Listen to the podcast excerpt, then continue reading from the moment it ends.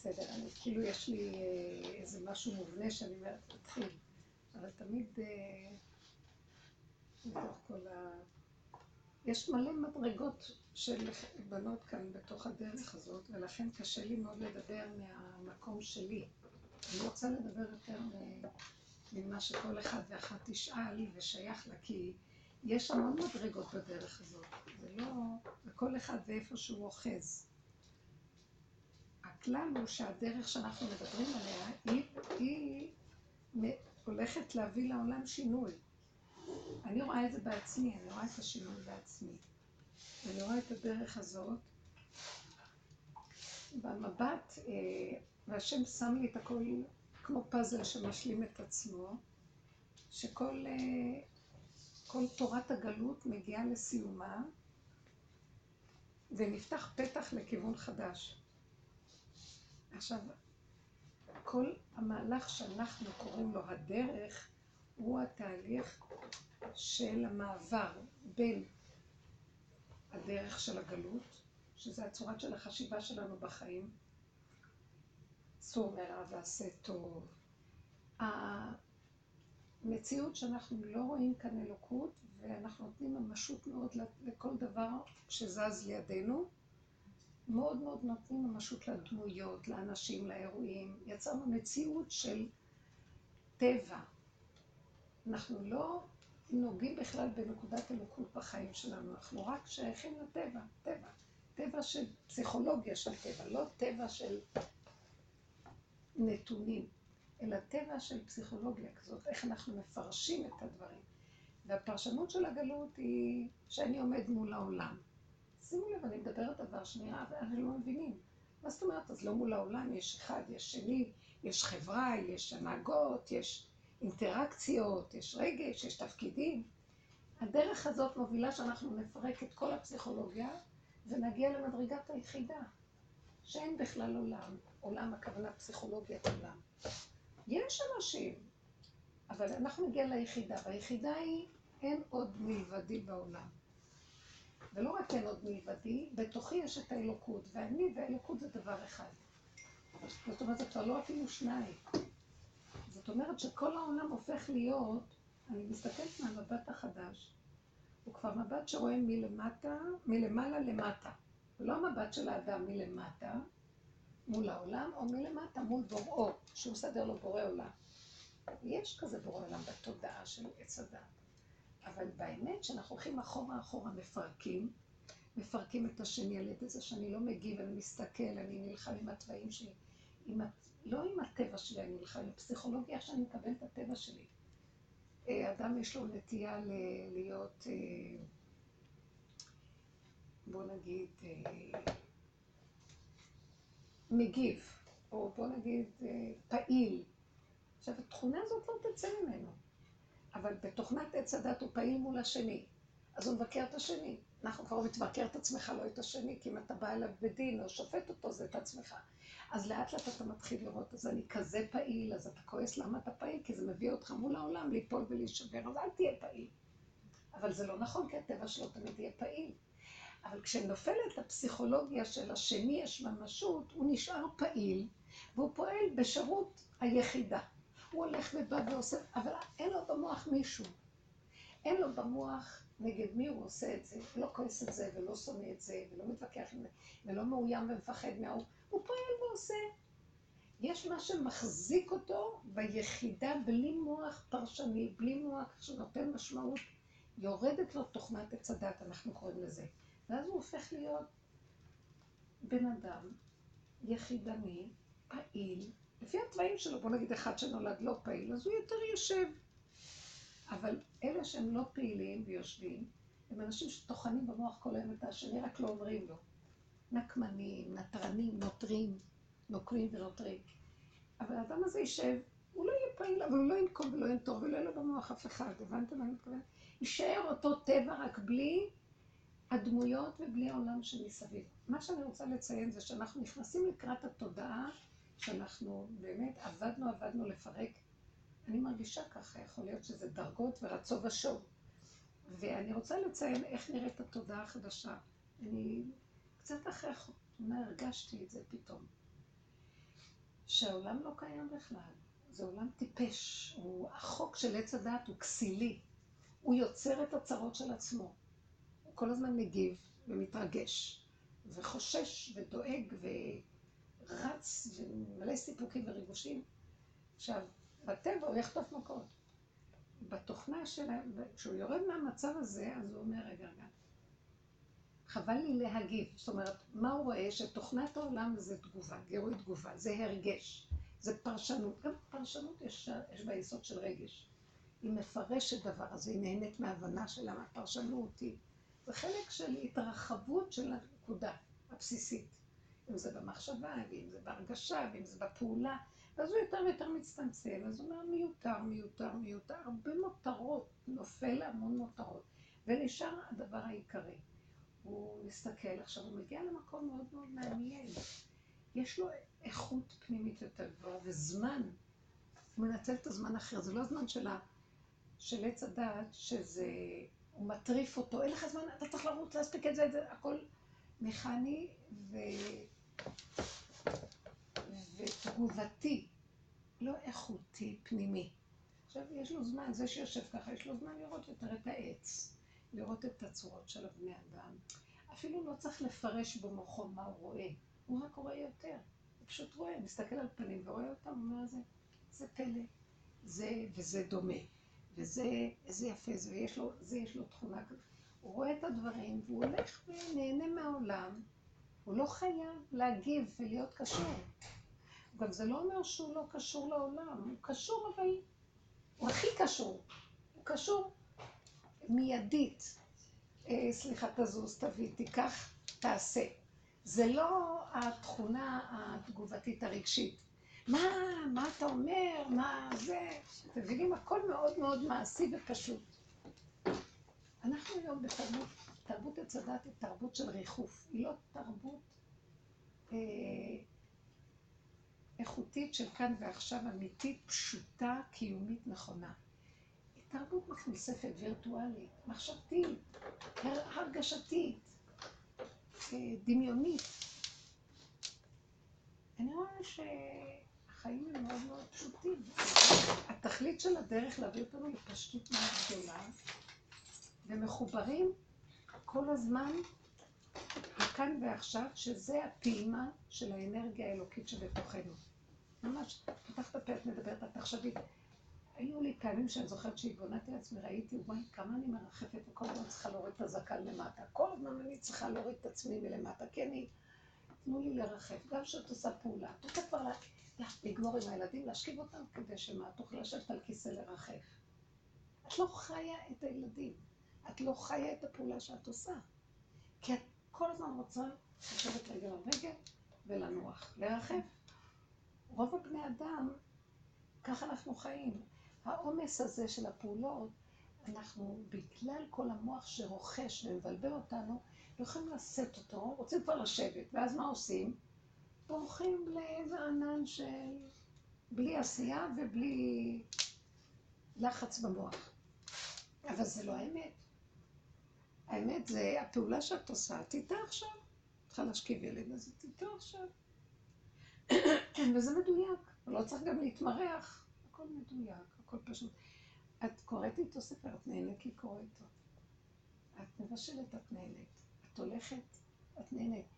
את לא בשביל השני, את נהנית לעשות את הפעולה לעצמך. את נהנית לקרוא את הספר, את נהנית לעצמך. והשני ממילא נהנה גם. ככה היית בחתונה?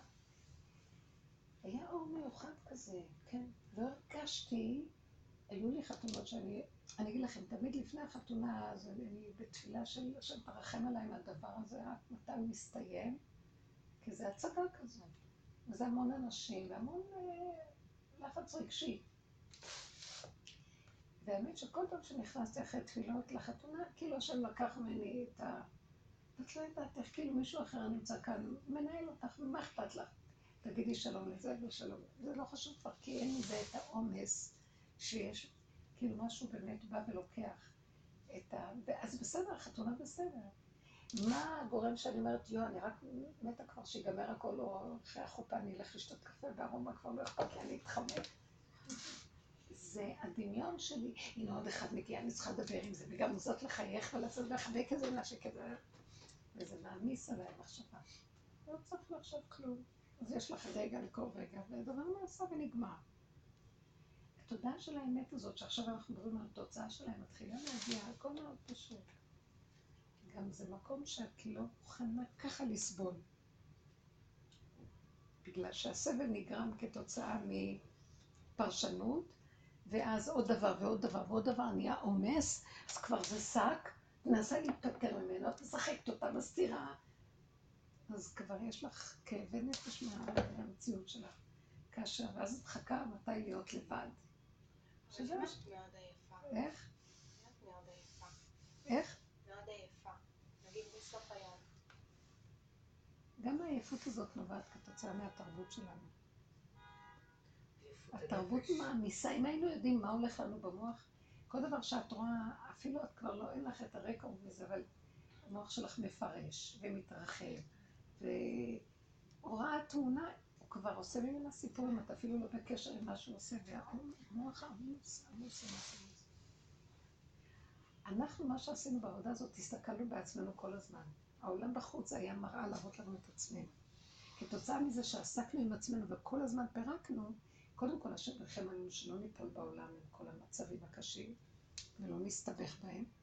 דבר שני, זה הלך והמית את הדמיון הזה, את הווירטואליות הזאת. כי אנחנו שמים עליה פנס ומגדירים אותה, רואים אותה. אז היא מפילה. אנחנו רואים את התכונות של עצמנו.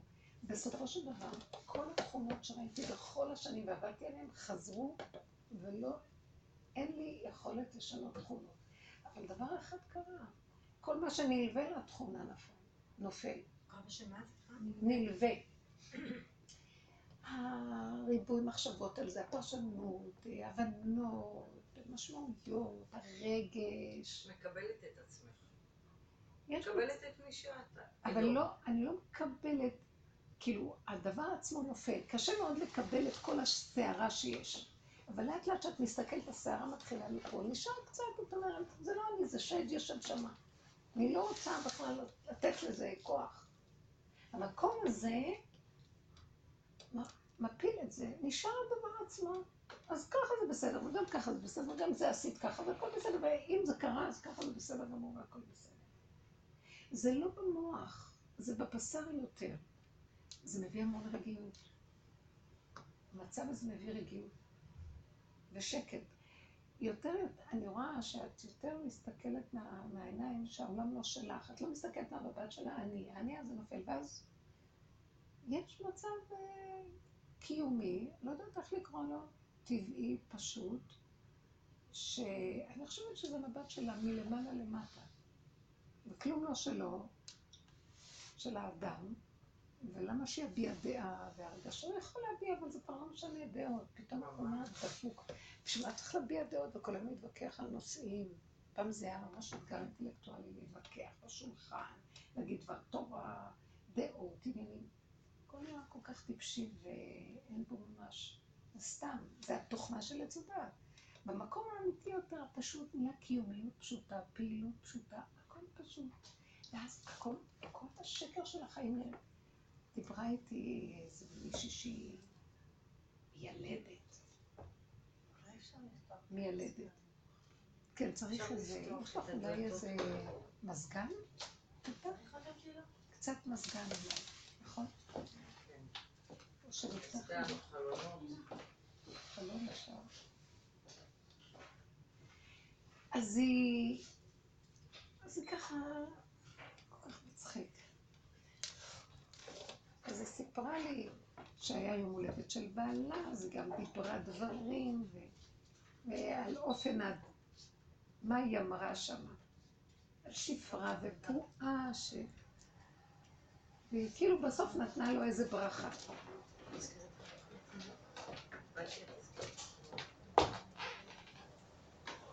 הברכה שהיא נתנה לו, ואני מאחלת לך שתיילד את עצמך מחדש. ו... לבעלה. ועל כאילו, היא הראתה לי מהקטן. אז ראיתי, רוב הדיבור היה על עצמה שהיא המילד בעצם. רק בסוף היא הכנה לו שיעבור על ידה גם קצת.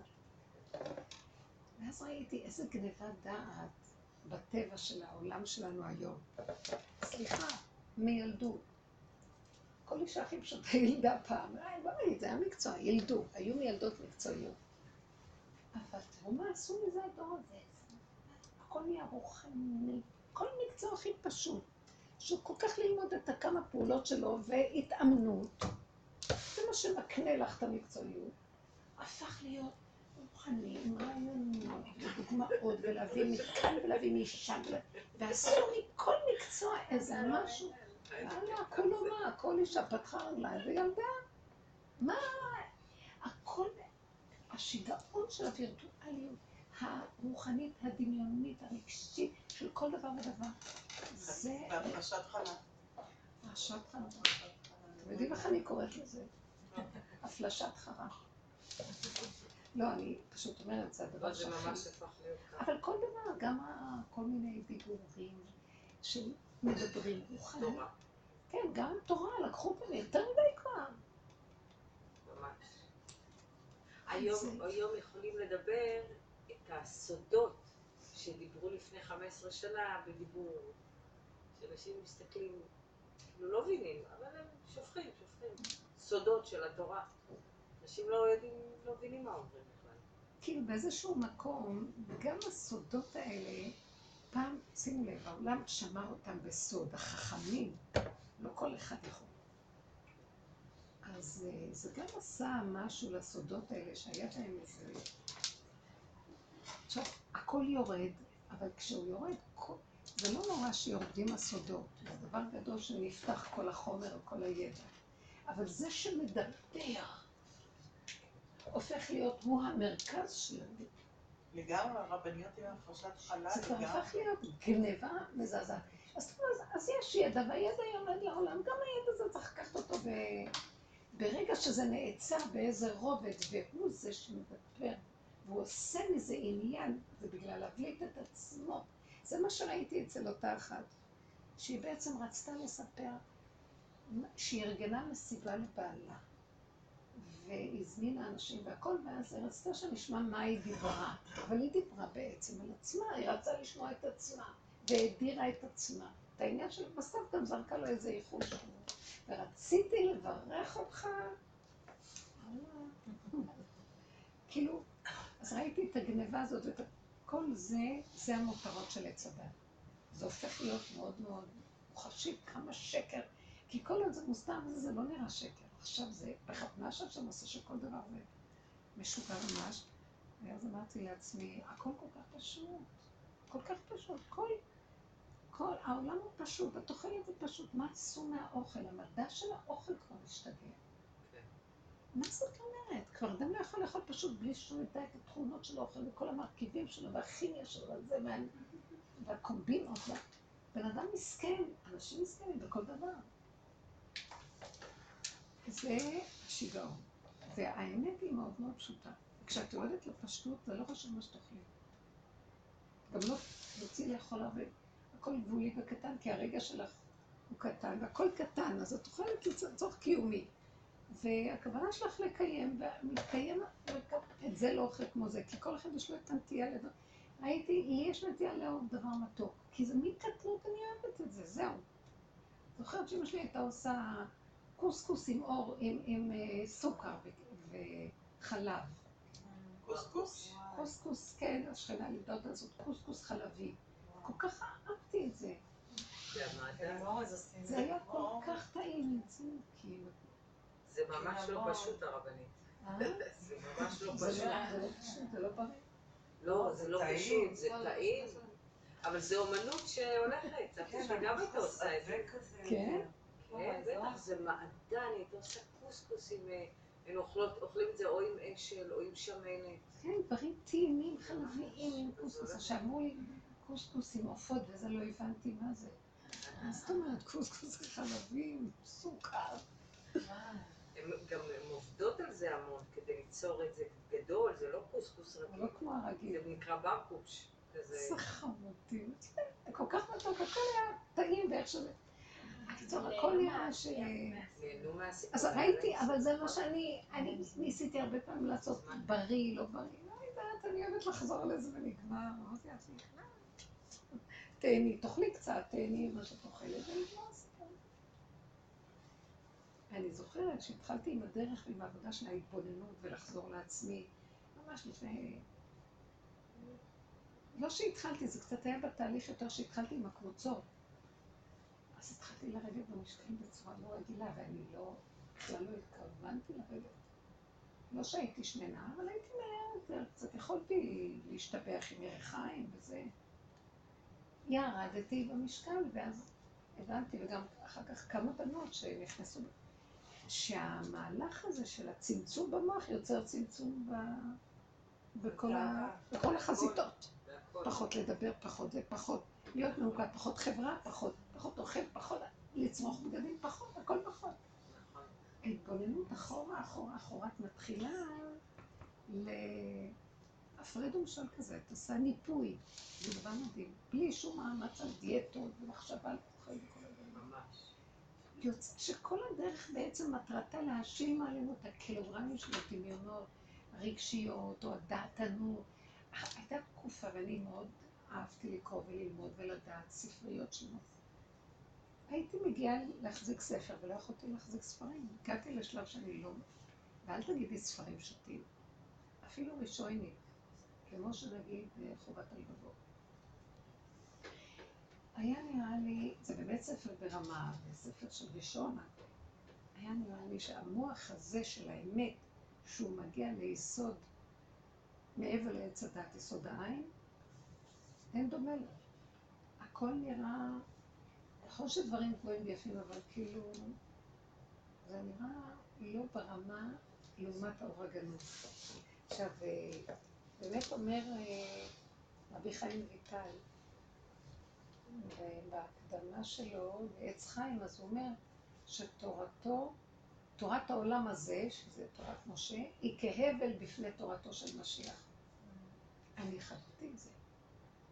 תקשיבו, תורתו של משה, אבל באמת, כשאני מסתכלת, אני אומרת, כאילו, וזה הרמה של עץ הדת. נופלים, קמים, כל המדבר הזה, איזה סערה הם עוברים האנשים. כל רגע עושים שטות אחרת, וכל רגע השם כועס עליהם, כאילו ברמה שלהם. מה אתה כועס עליהם? אם השם כועס כל הזמן, ויחרף השם, ואף השם הרף לי, הרף ממני ואכלם כרגע, אני, אני אהרוג אותם. אז, אז כל הרמה הזאת פתאום את רואה, ברמה הטבעית שאני, בתור תלמידה ושל... אני אומרת, אוי ויי, האלוקים כועס על ברמה יותר אמיתית? כאילו, כאן קורה? והמהלך הוא שאנחנו באמת במצב של השלה של אותה תוכנית שהיא בעצם לא נותנת לנו לצאת מהמציאות הזאת. יכולת הזנה שלנו ליפול למות עוד פעם ועוד פעם. מה שאני רוצה לומר שהדרך הזאת, אם אנחנו עובדים בה באמת, יש לה תהליכים. אני כבר מציינת פה את התהליך של הסוף, שאני רואה שיש עכשיו איזה, מה שנקרא, אה, מהפך. נקודת המהפך מתחילה להתחולל. פתאום אה, הסערה נגמרת ונהיה הערה, או נהיה, מתהפך. אבל קודם לזה המון עבודה. עיקר העבודה שעשינו שנים זה להתבונן כל הזמן במציאויות של העולם והתגובות שלנו עליו. ואז לראות איזה טיפשים אנחנו, לא פשוטים קצת דבר שיחיש. אנחנו ממש כסילים וטיפשים. ואני אומרת לכם, התכלית שתפסיקו, זה כאילו, חבל על הזמן. טיפש מי שלוקח את העולם הזה ברצינות. כל הרצינות הזאת שאנחנו לוקחים כל דבר, את התפקידים, את הפעולות, את האנשים, זה תת רמה. ביחס לאור החדש שמתגלה, זה לא רמה בכלל. מה את מתרגשת? מי שאמר לך מילה, את לא ישנה כל הלילה. והאמת שזה גם, זה עולם טיפש, שולטים בו טיפשים. ככה זה נראה לי. זה לא יפה להגיד את זה. זה נראה כאילו יהירות, אני לא חלילה מחזיקה שאני מחוץ לזה, אני רק אומרת איזה סכנה זה להיתפס ברגע אחד, אני גם אהיה טיפשה בדיוק כמותה. זה עולם הפוך. ובגלל זה חז"ל אמרו עולם הפוך ראיתי. אבל צריך לחוות את זה על הבשר. ממש אני רואה. מי שצריך להיות למעלה. בשביל מה למעלה. לדבר? אני למדתי תכונות מסוימות. למשל, אני רואה, יש לי, יש תכונות מסוימות בזוגיות, נניח, בין בעל לאישה, בין, אפילו בין בני הבית, הילדים של האחות. את רואה שמה שאת לא תגידי, דבר מסוים חוזר על עצמו. עכשיו, אני, אין לי טענה לשני, כי גם אני, עובדה שאני חוזרת על אותה, ש... אני מבקשת ממנו משהו, שתמיד יגיד לי לא, אז למה את מבקשת? כי גם לי יש איזו תקיעות. פשוט אומרת, אין מה לדבר. זו תכונה מובנית שהוא לא יכול להגיד את הכן. כשאת תוותרי, פתאום משהו יכול להיכנס בו והדבר יכול להיות. אבל לא מצד הטבע של הבן אדם, אז למה את לא רואה? אז מה אני לא רואה? אני לא רואה שזה הטבע, ואת לא יכולה לשנות אותו. את יכולה רק לקחת את הרצון שלך לשנות את הטבע, שעץ הדת חושב שהוא אלוקים, הוא ישנה את הכל. ולהגיד לה, אבל אני לא יכולה, אני חסרה, רק אתה השם יכול. כל המדבר הם מלאים ב... עם ישראל עובר, בני ישראל במדבר, הם מצטערים שבסוף הם נכשלו. איזה צער יש להם. מתחרטים. כאילו הם יכלו לעשות משהו אחר. נכשלו איפה.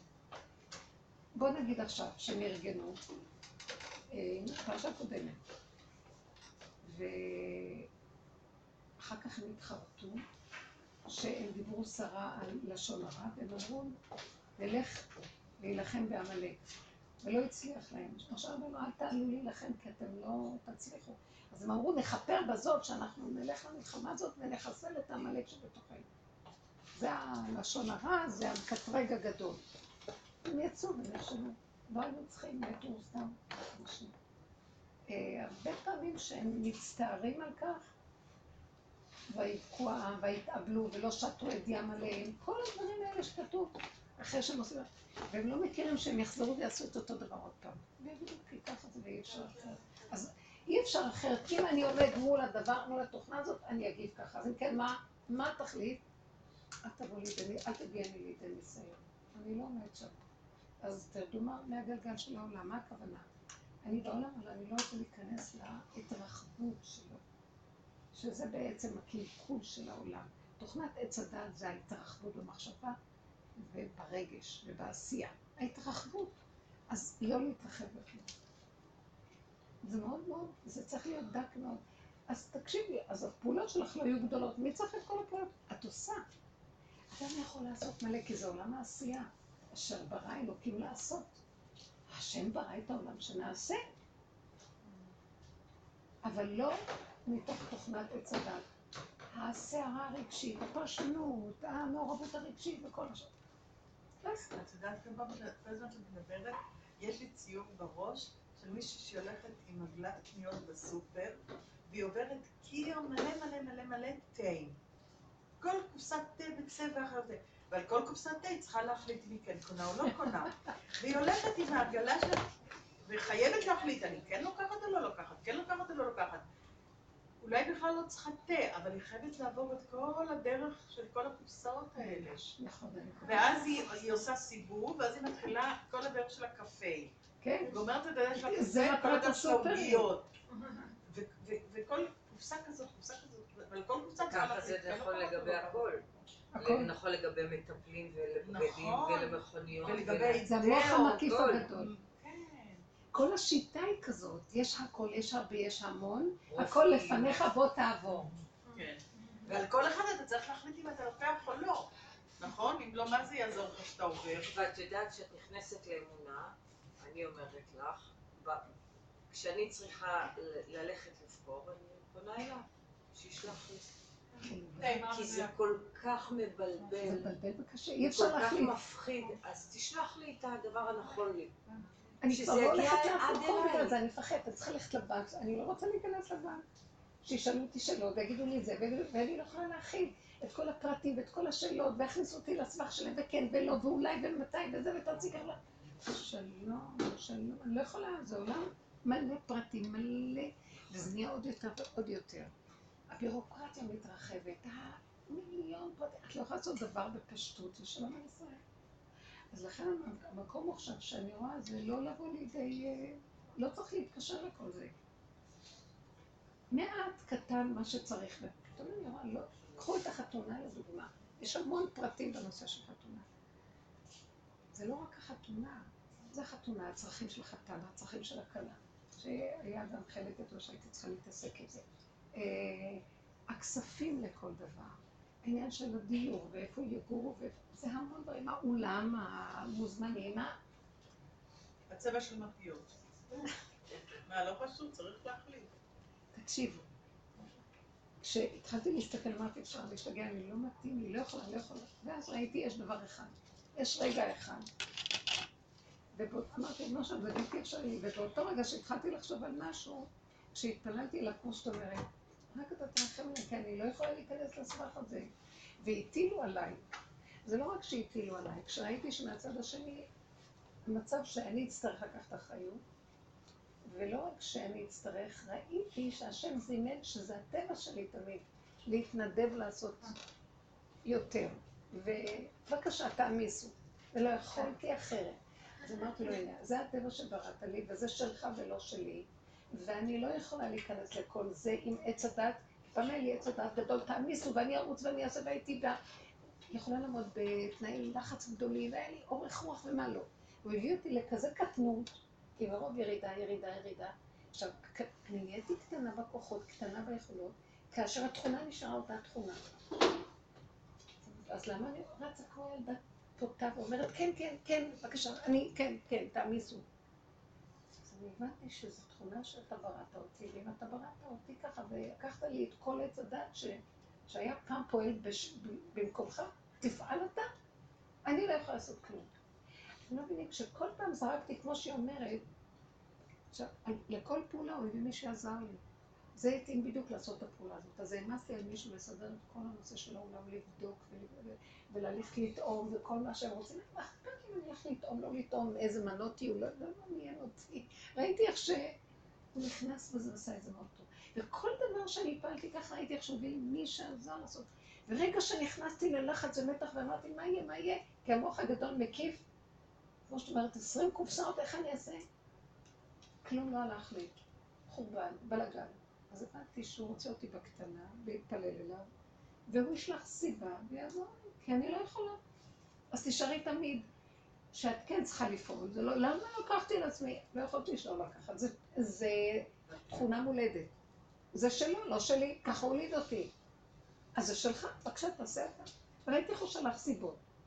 נמצא שבתכונה הזאת, שהוא ברא אותי, הוא רוצה להיכנס, ולא עץ הדעת שלי שמנהל אותי כל הזמן. שזה הלחץ, מתח עם הגדלות. כי אני חושבת שאני יכולה. הוא עצר לי את היכולות, אבל השארת לי את התכונות. זה שלי כבר. למה שאני אחשוב שזה שלו ולא שלי? כי כבר מההתבוננות בכל השקרים שלי ובכל הגדלות הדמיונית ובכל הרב... אז נחלשו לי הכוחות, נפל, נפל, נפל, אבל התכונה נשארה תכונה. כמו ילד, כמו תינוק שנולד עם אותן תכונות, רק בפוטנציאל והן קטנות. גם אני ראיתי שאני מאוד מסוכנת מול העולם. ראיתי שלא הייתי צריכה להגיד, טוב, בסדר, אני אקח על. הייתי צריכה להגיד לא, מה שאתם לא יכולים, גם אני לא יכולה. לא יכולתי להגיד את זה. אז ראיתי, טוב, אז שהוא ייכנס בזה. אי אפשר כבר לשפוט את עצמי, אי אפשר לדון, לבקר את עצמי, אי אפשר כלום, כי ככה וזהו. אז תעשה את זה אתה, לא אני. זה בהתבוננות, החזור אחורה, אחורה, אחורה, זה השיבה, זה תהליך השיבה. אז במקום הזה מוכרח להתגלות השם והוא יסדר הכל. מישהי אתמול היה לי שיעור ברותם, ואז היא אמרה כל כך לא טוב. יש לה מסעדה מאוד טוב שם. הייתה גרה בירושלים, ובזמן אמרה לי, אני לא יכולה לסבול להמשיך להיות וזה. אז דיברנו על זה שיש, אה, הלכה ליישוב הזה, רותם, פתחה שם מסעדה. אז היא אומרת שהיא עובדת, עובדת, עובדת קשה, וכל הזמן רואה את עצמה כמה היא אסכולה של עבודה, מאמץ ויגיעה. היא גדלה עם הבסיס שם. כמובן ככה אנחנו חייבים לפעול ושום דבר לא בחינם, ותעבדי ותתני שכם וכל הזמן. היא עובדת, עובדת. היא אומרת, מתוך ההתבוננות היא הגיעה למקום של תשישות. ואין לה כוח לעשות את כל מה שהיא עושה. היא הייתה עושה את הלחם של המסעדה, היא הייתה עושה את העוגות, מאוד זריזה מאוד, ויש לה יד מדהימה, וקטעים, וכולם משתגעים עליה. כל הבקעה באה לאכול שם. מאוד מאוד אוהב. אז היא אומרת, מההתבוננות נפל לי הכוחות, ופתאום אני אומרת, מול 15 קילו קמח שאני צריכה לעשות עכשיו רק לארוחת בוקר של הלחמניות. ופתאום אמרתי, אין לי כוחות, איך אני אתחיל בכלל? קרוב מוקדם. היא אומרת פתאום בא איזה מישהו, שחשבתי שהוא בא למסעדה, זה היה קצת מוקדם, אז הוא אמר לה, תקשיבי, יש לכם אולי אה, עבודה פה? אז היא הסתכלה עליו, ואז ככה היא אומרת לי, פתאום ראיתי שכשאני אמרתי לה, השם אני קטנה מכדי להכין את החמש עשרה קילו קמח, זה... היא הסתכלה עליו והיא אמרה, הנה האופה שלי. כלומר, הוא לא אופה, אבל מאחר והיא אין לה כוח לאפות, ועכשיו השם שלח אותו, בטוח שהוא יוכל להיות האופה. היא אומרת, היה לי רגע שראיתי שהשם שלח אותו שהוא יהיה יפה. הוא אומר, אף פעם לא אפיתי. היא אומרת, בדרך כלל, מי יקשיב בכלל? אני מקצועית, אני אתן למישהו לאפות. אז היא אומרת, לא נורא, אני אלמד אותך, צ'יק, תשים זה זה. היא אומרת, יצא לחם מדהים. האיש הזה התחיל להיות האופה במסעדה, אופה לה את הלחמים. היא אומרת, "אה, אבל ראית מה קרה כאן? בדרך השכל, אף פעם לא הייתי נותנת למישהו שיעשה משהו שלא נראה כמו שצריך, כלום, רק אני. עכשיו פתאום הגעתי לגבול, לא יכולה, נעצרתי, התוודעתי שאני תקועה, ואני חסרת כוחות. בא מישהו, אז ידעתי שעכשיו, בגלל שאני בגבול, החוק החדש, לא של עץ הדת, של חוק הסיבות, מסובב שאתה שלחת אותו בדיוק ברגע שאני במצב הזה. ואתה עכשיו חייב להיות האופה, ולא יכול להיות, ואני גם שחררתי את האחיזה של מה אחד כזה יפה הלחם פה. זה משיח. היא אמרה לי, את מבינה מה. קרה פה? השם נכנס. בתוכו. אמרתי לה, השם נכנס בתוכו, גם אם הוא לא יהיה אופה, הוא יפה הכי טוב שבעולם. זה כבר לא חשוב מי הבן אדם. אבל בלי שהייתה מגיעה לתשישות הזאת, היא לא הייתה... יפה. וזה מה שראינו. היא הגיעה לגבול, והיא אמרה, בגבול מוכרח להיות גילוי השם, ולקחת את העניינים, כי אני כבר לא, אני לא. אמרת, הייתי כל כך מותשת, איך אני אגש עכשיו? לא התחלתי את המוטה ב-15 שיש לה עוד כל כך הרבה עבודות. וככה היא מאוד זריזה ואוהבת, והיא אוהבת לך, היא אוהבת את התפקיד הזה. לא, זה ראיתי את החוק שלה, עכשיו מגיע החוק הזה, רק בוא נגיד לו, אנחנו לא יכולים. קטנים, לא יכולים. כל, כל הקלקול של עץ הדת וחוק היהירות והגדלות, וייתן כאלוקים, אנחנו יכולים. תופסים אותנו היום כל הזמן. וככל שנלך בקטנות, בהסכמה, בהשלמה למציאות שלנו, נחבק את המציאות. עכשיו, אבל היינו צריכים לעבור את כל ה... תראו מה שעם ישראל עבר, בוא נגיד, בשבעים שנה האחרונות, רק שאנחנו פה, התשה, מלחמת התשה נוראית של כל ה... כל מה שקורה פה, עם כל הטרור, ועם כל הקושי פה, והיגיעה. והקיבוץ גלויות הנורא, זה לא קל לחיות עם כל כך סוג, הרבה סוגי אנשים. וה... במדבר. יש תשישות עכשיו, אנשים בתשישות. הדור החדש בכלל מאוד תשישות, אין לו כוח, לילדים לא אכפת להם. לא אכפת להם, לא רוצים להתאמץ. טיפש מי שיתנדב קדימה לכלום. זה מסוכן מאוד גם, שנוגע בנו, אם אנחנו רצים במשהו להתלהב. זה, תעשה, תעשה פעולות, כי זה עולם העשייה. אבל מתוך היחידה, לפי הגבול והחוק של היכולת, כשאתה רואה שזה נעים לך, דלתות נפתחות, הולך. שנתקע, נתקע, נתקע, נתקע, טיפש מי שידחוף את הראש בכל. ממש. וזה נכון אגב כל החתונה ככה נהייתה. גם בחברויות, כן, גם. ממש בהכל. כאילו אם פעם, נגיד הייתה לי, אני זוכרת שהייתה לי חברה שחיה בחו"ל, ונורא היה חשוב לי לשמור איתה על הקשר, והייתי עושה הכל כדי לשמור איתה על אני קשר. מכירה את זה חשבונאות. כן, כדי שהיא תהיה חברה. אני זה. ואני מי שאנחנו בדיבור הזה, אני רואה שהשם שולח לי את הכי נכון ומדויק.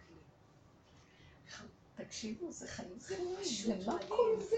מי צריך את כל הסערה הזאת? למה שלא נהנה מהחיים בקטנה? זה לא אומר נלך לעשות. גם אם בן אדם עובד בכל מקומות, אם מתעקש לא להתחבר לפסיכולוגיה הקדחתנית של התחרותיות והקנאת ישמעו וכל ה... אבל הוא עושה את התפקיד שלו, לא ישגיחו בו, מה שהם ישמעו עליו, הוא יעשה איפה שהוא צריך, הוא יהיה מחובר איתו. זה לא חשוב איפה כמעט.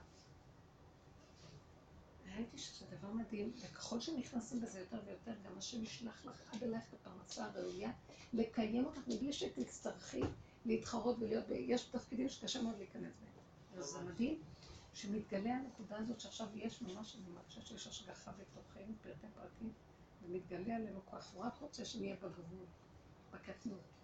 כי אז הוא יכול להתגלות, זה החוק שלו. וכל הגדלות, אפילו החיובית הכי גדולה שאנחנו נעשה ואנחנו נפעל, גם כל מפעלי הצדקה והחסד, הכל כל עניין קטן, למה, למה לרוץ על כל זה? תשים משהו קטן, יהיה בו ברכה, והשם דרכו מתגלה בעולמו, ונר אחד נר למאה, פתאום אחד נפתח הלב ואחד נותן לשני, ולא צריך את הארגונים הגדולים. זה כבר הפך להיות גם, זה טוב, אני אגיד לכם מאיפה זה נובע, זו תפיסה של יוסף הצדיק, עץ הדעת טוב. הוא היה שליט בארץ מצרים, ומבחינת יוסף היסוד שזה השישי. באלף השישי, כל האלף השישי מתאפיין במידת היסוד, בייחוד לקראת הסוף. המשביר המרכזי, כאילו, הכלכלה מאוד מפותחת, ואנשים מרוויחים, ויש שפע בזכות יוסף הצדיק בדור הזה, כן? גם הרמב"ם אומר שהכוח של לקראת הסוף הוא יהיה יוסף הצדיק, מבחינת הרוח הזאת, תעשה עולם שיהיה בו הרבה אפשרויות והרבה כלכלה והרבה, כדי שאנשים יהיו רגועים מהצד הכלכלי, ואז יכול יהיה לבוא דוד, ההנהגה של דוד משיח בן. יוסף כאילו? משיח בן דוד. משיח בן דוד. כבר אנשים רצו להיכנס פנימה, ולעבוד על הקטן, ולחיות את האמת, ולא ירצו את ה... כי כשאדם רעב, אין לו סבלנות שתדבר איתו על האיכות של החיים. הוא רוצה כסף, הוא רוצה להתפתח. אבל יש משהו שכל כך בדורות, בדורות עכשיו, שפע, דורות אחרונים. דור אני אומרת. שזה 20 שנה נקרא דור. ב-70, 80 שנה האחרונות יש ממש התפתחות והתפתחות. יש שפע. יש שפע, והתחושה היא כמו של תשישות מהשפע הזה גם. כי הוא מסעיר אותך, הוא לא נותן לך, די, כמה אפשר לקנות בגדים? אין כבר כבוד לחומר, אין כבוד לבגדים, אין כבוד למזון, אין כבוד... אין שובע. כן, כי משהו כבר תשוש, די, הצורך הזה. עכשיו, יוסף הצדיק זה הממסדיות, הוא נקרא יסוד. יסוד זה הממסד. וזה הביורוקרטיה, והממסדיות, והממשלתיות, והמשרדיות. הוא, הוא מתאפיין בגדלות, כי הכל גדול. אנחנו עכשיו מתחילים להגיע שגם זה נגמר, הסוף של האלף השישי, 200, 210 שנה נשארו. ממש כמו שכתוב, מה שבמצרים הם היו, רדו שנה. לא נשאר כלום לגאולה. עכשיו מה שנשאר הוא להתחיל לחוות את המהלך, זה הדרך הזאת של ההתמעטות, הקטנות, האיכותיות, שאנחנו שרים. באמת, באמת, אנחנו בעולם ועושים פעולות, וכל אחד כפי מדרגתו, כי יש לפעמים בטבע של האדם גם הממס... אה, היסוד הכללי. הוא אוהב את הציבור, הוא קשור, אבל העיקר בדרך של דוד המלך, משיח בן דוד זה היחידה. המציאות שלי מול בורא עולם, לא מול העולם, לא אני מול העולם, אז אני, אתה, הוא. זה אני, שכבר האני שלי מול העולם מתרסק לי, ונשאר, נשארת המהות הפשוטה כמו בהמה קטנה, תינוק מול בוראו, כגמול עלי אמו, כגמול עלי נפשי. ואז עכשיו, כל המהלך של החיים הוא שונה לגמרי. אתה רק עומד מול בורא עולם, אתה קטן. כל הדברים שבאים לך יותר ויותר, אני רוצה איזה דבר, עכשיו, אם זה קשה, אני לא מוכן להילחם עליו, אין לי כוח להילחם יותר. אני בדרך כלל יוצאת מהבית ורצה לתחנה. אני רצה, חבל לי, נראה לי, אני הולכת להפסיד אותו. בייחוד אם אני רואה מישהו רץ לפנינו, בטח הוא, רץ לו, רצה אחריו. הגעתי למקום שאני אומרת, אין לי כוח לרוץ. עכשיו, אצלנו זה ממש כמו, אם את מפסידה את האוטובוס, חכה עוד רבע שעה, עשרים דקות, כל אוטובוס, מאוד קשה מה שקורה שם. שכונות חרדיות מוזנחות מבחינה הזאת. אז אמרתי, פתאום, אין לי כוח לרוץ. אני הולכת לאט ואני אמרתי, אבל אני רוצה להגיע. ואז פתאום איזה קול אומר לי, הרצון שיש לך פה, שאת כל הזמן רצה אחריו, את צריכה להבין שאת צריכה להביא אותו לרגליים. הרצון צריך להיות פה, לא פה. זה מה שכל הזמן מפיל אותך. כשאת מחליטה, אני לא ארוץ יותר ואת רצה כל הזמן. כי את לא מצליחה להוריד את הרצון. בני אדם יש להם רצונות. ובייחוד האנשים, אה, המלכות, יש לה רצון. עכשיו, הרצון זה היצריות גם. עכשיו, אם היא נשארת פה, כל הזמן הוא יריץ אותך. תורידי אותו למטה ותגידי, טוב, אני רוצה, אבל אני מורידה את זה לרגליים. עכשיו תראי איך שהרגליים יוליכו אותך לאט. הרצון מתקיים אבל בחלקים הנמוכים, בבהמה שבך, לא בשכל שבך. זה מאוד מאוד נפלא הדבר כל כך יפה, ואז פתאום התחלתי ללכת לאט, לאט, לאט, ונעלם לי הרצון שמריץ אותי, האוטובוס יעבור לי, יעבור לי, והלחץ. והלכתי, הלכתי, לא אכפת לי, כן יבוא, לא יבוא, מתי יבוא, איך יבוא, ואני אעלה עליו מתי. הלכתי ולא אכפת לי כלום. עצם, לא חשוב שהאוטובוס לא הגיע כאן, אבל עצם השקט שאני לא בטירוף רצה, כי אני אפסיד משהו.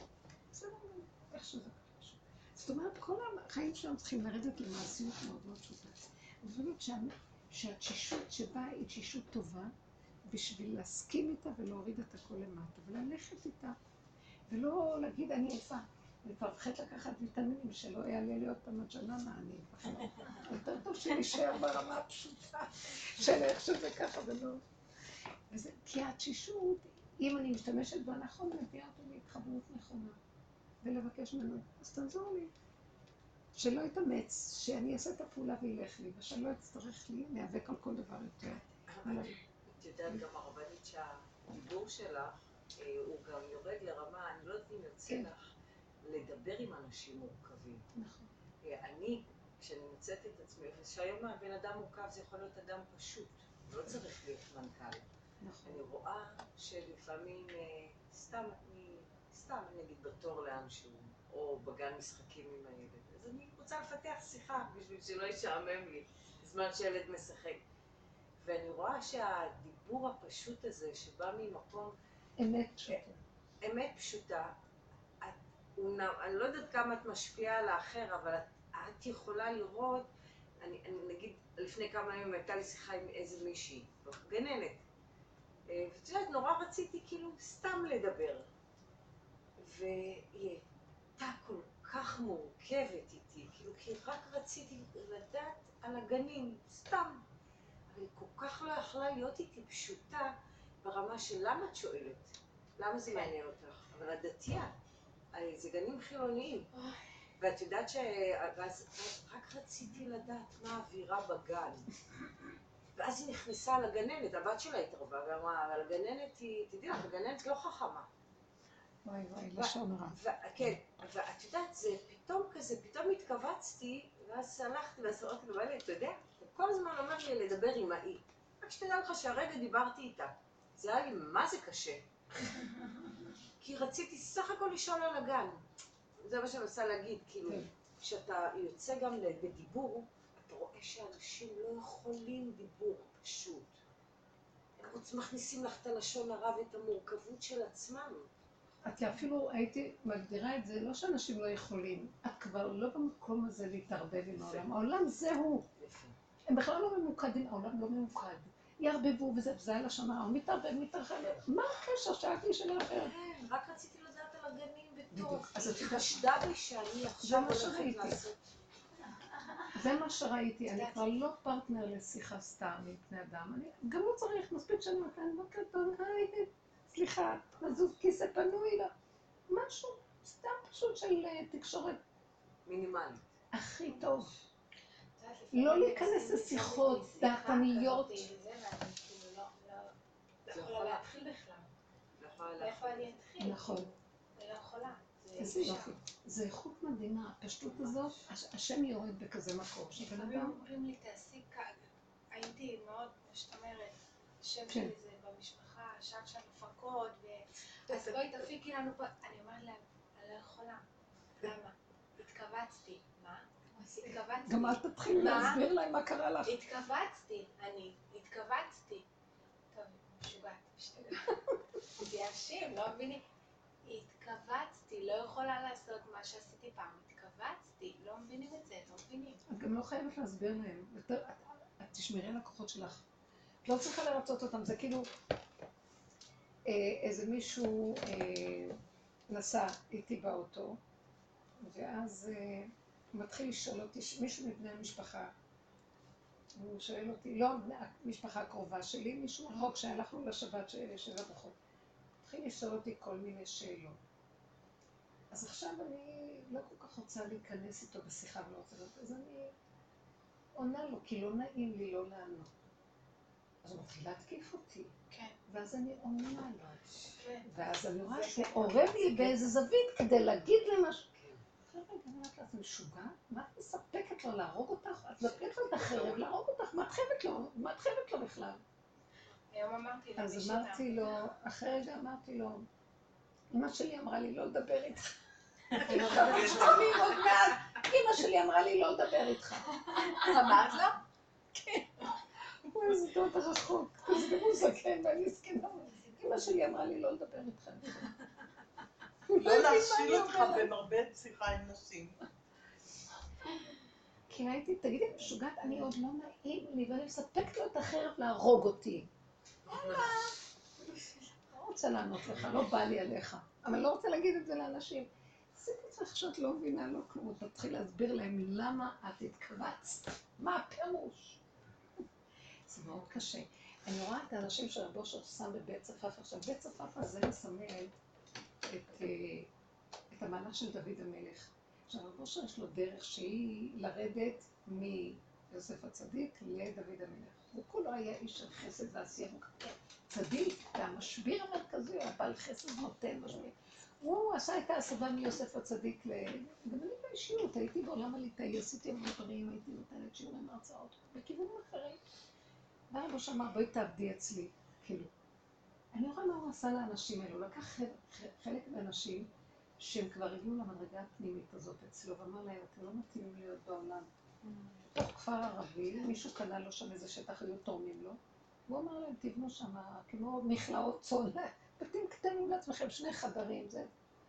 ותהיו שם, עכשיו, פטר אותם מלעבוד, או הם עובדים בדברים קטנים, לצורך פרנסתם, אבל משהו קטן ופשוט, לא בחברות גדולות, לא בזה בשום דבר. ואני רואה, זה כמו שאמרת לך, כמו הדוד הזה שרצו שהוא ידבר, אה, אין, אין לי מה להגיד. הם בתוך הנקודה הפנימית והשם בתוכם, ודרכם כאילו העולם יכול להשתנות. הוא היה אומר שדוד המלך אה, היה מתבודד הרבה שם, באזור הזה, בבית צפאפא שם. הוא היה אומר הרבה נבואות כאלה לבוא שם. הייתה לו קליטה מאוד מאוד, יודעת, או שזה היה בטבע שלו, יש סוג של טבע כזה. גם מצד הקדושה שבו, שאומר שדוד המלך הסתובב שם וזה המקום. אז אני ראיתי את האנשים האלה, כאילו, זה התכלית הזאת של הנקודה הפנימית לעבוד, לא צריך לתת דין בחשבון לעולם, לא צריך להתערבב, לא חסר להם, הם אוכלים וקיימים, לא צריך להתרחב. אז היופי שבזה זה, אין, אין מה להתמקר, אין, אין מה לדבר ולהסביר ולהתווכח, ככה וזהו. אפילו הרגשתי אה, שזה היה זכות, מין סוג של זכות, לא להיכנס בוויכוח, לא להיכנס במשא ומתן, לא להתחיל, אה, היה לי איזה רגע שהיה לי קצת קשה וזה, אחר כך אמרתי, אל תיכנסי בזה. אז זה היחידה, דוד המלך זה היחידה. הוא נשאר בקטנה, בקטנה, הסכים להכל, אור שמר עליו האור מפני זה שלא יחריבו אותו בעולם. ואחד כזה נקרא אצל השם משיח. עכשיו, הוא יכול להסתובב, השם משתמש בו, ישים אותו באמצע הקהל הכי גדול, אבל בכלל זה לא הוא, זה השם דרכו פועל, ואף אחד לא יכול להזיק לו. הוא יכול להגיד לכולם את הדברים הכי הפוכים בעולם, ואף אחד לא יעז לעשות לו כלום, כי זה כבר לא הוא. אבל זה מגיע מהיחידה. צריך כל, כל הזמן, כי כל התוכנה הזאת היא פיצוץ של שיגעון, היא ממש... היא מעניינת, אבל היא משוגעת.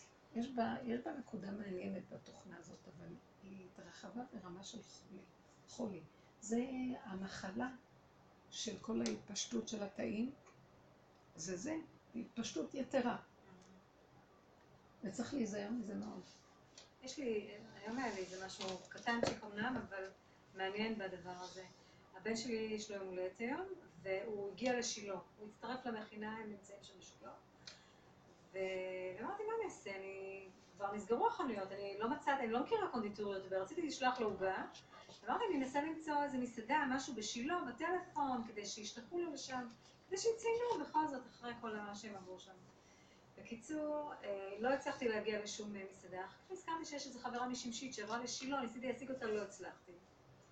התקשרתי לחברה שלה פה, אמרתי לה, אולי תתקשרי, תראה שזה טלפון שלך, אולי תענה, כי אנחנו חברות אה, רחוקות. לא הצליחה. אז אמרתי, מה אני אעשה? אני אשחרר את זה. בהתחלה הייתי במין איזה לחץ כזה, וגם דמיינתי כבר, איזה סופר אימא, איך הצליחה משמשית, אחרי שהקונדיטוריות כבר יש לו שם עוגה לשילה, לא פחות ולא יותר. ובשלב מסוים הרגע שאני מתרחבת בראש שלי, ואני יותר מדי בלחץ על זה, וכאילו אפשר לחשוב. ננעלת על משהו. אפשר לחשוב, הוא גל יום הולדת, מה כל כך, כאילו מה, ננעלת חזק מדי? אמרתי, אני משחררת. עכשיו, לאותה חברה פה בשמשית, אמרתי לה, תראי אם את יכולה לבקש מאלונה, שאיכשהו תגיד, תשיג איזה עוגה, אני אחזיר לה, שתשלח. ותגיד, תגידי לי מי יכולה, אפילו לא אמרתי לה איפה הם, כלום, לא אמרתי אפילו... בקיצור, בשלב מסוים אמרתי, רגע, אני מתרחבת. אני יותר מדי מתעקשת, כאילו, מה, מה יש לי ללחוץ על העניין הזה? יותר מדי טלפונים, משחררת לגמרי. התארגנתי כדי להגיע לשיעור, אחר כך אני פותחת הוואטסאפ, אני רואה ממירב, העוגה כבר הגיע לידה, הוא ראה את ירין, מסר לו, נתן לו נשיקה, הכל בסדר, הכל טוב. אמרתי לה, מה, איך, מי, איפה, ידעת איפה הם בכלל? שמשחררים? היא. ישנה, אבל בעלה הלך, בדיוק החנות נסגרה, בדיוק הוא אמר לו תפתח, נתן לו מזומן, הוא ראה בדיוק את המכיניסטים באים, נתן לה זה, כאילו, בלי, אם אני הייתי. מתערבת, שלח לי. את התמונה של העוגה, בוא נראה שזה מתאים לילדים, בוא תראה, הייתי מתערבבת יותר מדי, והכל מעולה, שלחתי לבן שלי, הכל אומר לי מעולה. זהו, בלי, ממש, נעשה, לא יודעת איך נעשה. ככה. הנה, זה פשוט. למה ליותר. אני זזה, הוא נכנס. כן. אני שם, אני מפריעה לו. נכון. זה הכי קשה לנו, כי כל התכונה של העולם שלנו זה אם לא אני אז מי מה. זה כל ההתאמנות, כל הזמן לזוז, כל הזמן לזוז. איך אני אזוז? למה? אף אחד לא מתנדב לזוז, כי זו תרבות של אה, יוזמה והעצמה אישית. כן, כולם, כולם בהעצמה אישית. כן. וואי, ממש תשמע יש איזה משהו שמפריע, הוא שולח איזה סיבה לעצור. צריכים להיות קשובים לסיבות. לא הולך. אני רוצה לספר משהו. כן. יותם, הבן שלי הצעיר, שסיפרתי לך עליו, אחרי שבועות איכשהו התחיל איתנו דיבור. אז הוא הסביר לי, הוא יכול לדבר רק דברי תורה ודברי קודש וזהו. אז אמרתי לו, אז איך הסתדרת בבית? אז הוא הסביר לי ואיך זה. הוא אומר, הדבר היחיד שהטריד אותי, אני נורא אוהב לפגוש חברים ולהיות נחמד אליהם, שהם יהיו נחמדים, וזה מאוד מאוד הטריד אותי. אז תראי מה הוא עשה. הוא עשה דף נייר שהיה מקופל, מקופל, מקופל, והוא ידע בכל מקום מה כתוב לו. הוא אמר לי, אמא, כל השיחות הן אותו דבר. אני אגיד לו שלום, שלום וישאל אותי מה שלומי. אז אני ישר כותב לו, ברוך השם הכל בסדר, ואצלך, ואני יודע מה הוא יענה לי. והוא עשה את כל הזוויות של הנייר, והוא בעצם אמר לי, כל הקופסאות תהיה אותו דבר. זה מה שהוא אמר, הוא אמר, אני ממש אוהב לפגוש את החברים, אבל השיחה תהיה בדיוק אותו דבר. הוא יגיד לי, אני אגיד לו, הוא יגיד לי, אני אגיד כל לו. כך פשוט. הוא כבר באו במיוחד רק בשביל לראות את השליטה שלו בנייר, באו במיוחד לעשות איתו את השיחות. כן, זה אבל- הבן שלומד בישיבה? כן, אבל- איזה יופי. אבל בעצם זה נורא חמוד, כי הוא בעצם לא, אמר לי, חכם, קולטים. כל- כל הניצנוצות אור האלה שאני רואה מולי, פעם עם הפרצוף של זה, פעם עם הפרצוף של זה זה, הוא דבר. צריך להיכנס לתוך, לא, זה הוא כבר קלט, הוא קלט, את- לא סתם הוא הלך לישיבה, הוא הבין ששם יש לו מה לחפש, ובחוץ זה הבל הבלים, זה הכל הכל ניסויים. תראי, גם- צריך... רק מי שיש לו את התבונה הזאת, את יודעת, זה, זה גם, גם מה שאני מאחלת ל, לילדים שלי, כאילו, כל אחד בדרגה שלו, שייכנס לתוך העולם, שלא יתערבב בעולם. כאילו, כולנו מתערבבים, אבל הפחד שלי כאימא זה שהילדים יתערבבו יותר מדי. מדי, וילכו לשם. אז אני אגיד לכם. משהו. ברגע שיש לך פחד כזה, זה להעביר אותו להשם. העבודה שלנו מול בורא עולם, כשהילד הוא רק סיבה, כי עורר לי את הפחד, זה מה שישמור עליו, השם ייכנס וישמור עליו. כל הזמן דיברנו על הדבר הזה. אז עכשיו במקום מה אנחנו עושים? אנחנו מפחדים, אנחנו הולכים לעשות פעולות עם הפחד הזה, איך לדאוג, אה, להגן עליהם. וזה ישר שלוקחת את העניין לעצמך, כמו שאמרה, אני אלך לקנות את העוגה. אז הוא סגר עליה. להעלות את הפחד, להגיד לו, אבא, אה, הלוא אני אחריב. אני אחריב את האפשרות לפחות בזה שאתה יכול להיכנס לסדר את זה בצורה הכי מתוקה שדברים ילכו חלק, וה- והם לא ייפגעו, והם ידעו איפה הנקודה שלהם. למה שאני לא... אז רק לעבוד איתו. זה מה שאני אומרת שדוד התכוון, שהשם אמר לאברהם אבינו, אני רוצה אותך, תעבוד אותה עם עצמך. אתה מזכה את כל הנפש אשר בחרן. אם אנחנו עובדים ביחידה זה כבר מדרגה אחרת. בזמנו שהרב אה, החזון איש בדיוק אה, הגיע לבני ברק, והעולם היה אחרי השואה, עולם הישיבות חרב, ולא...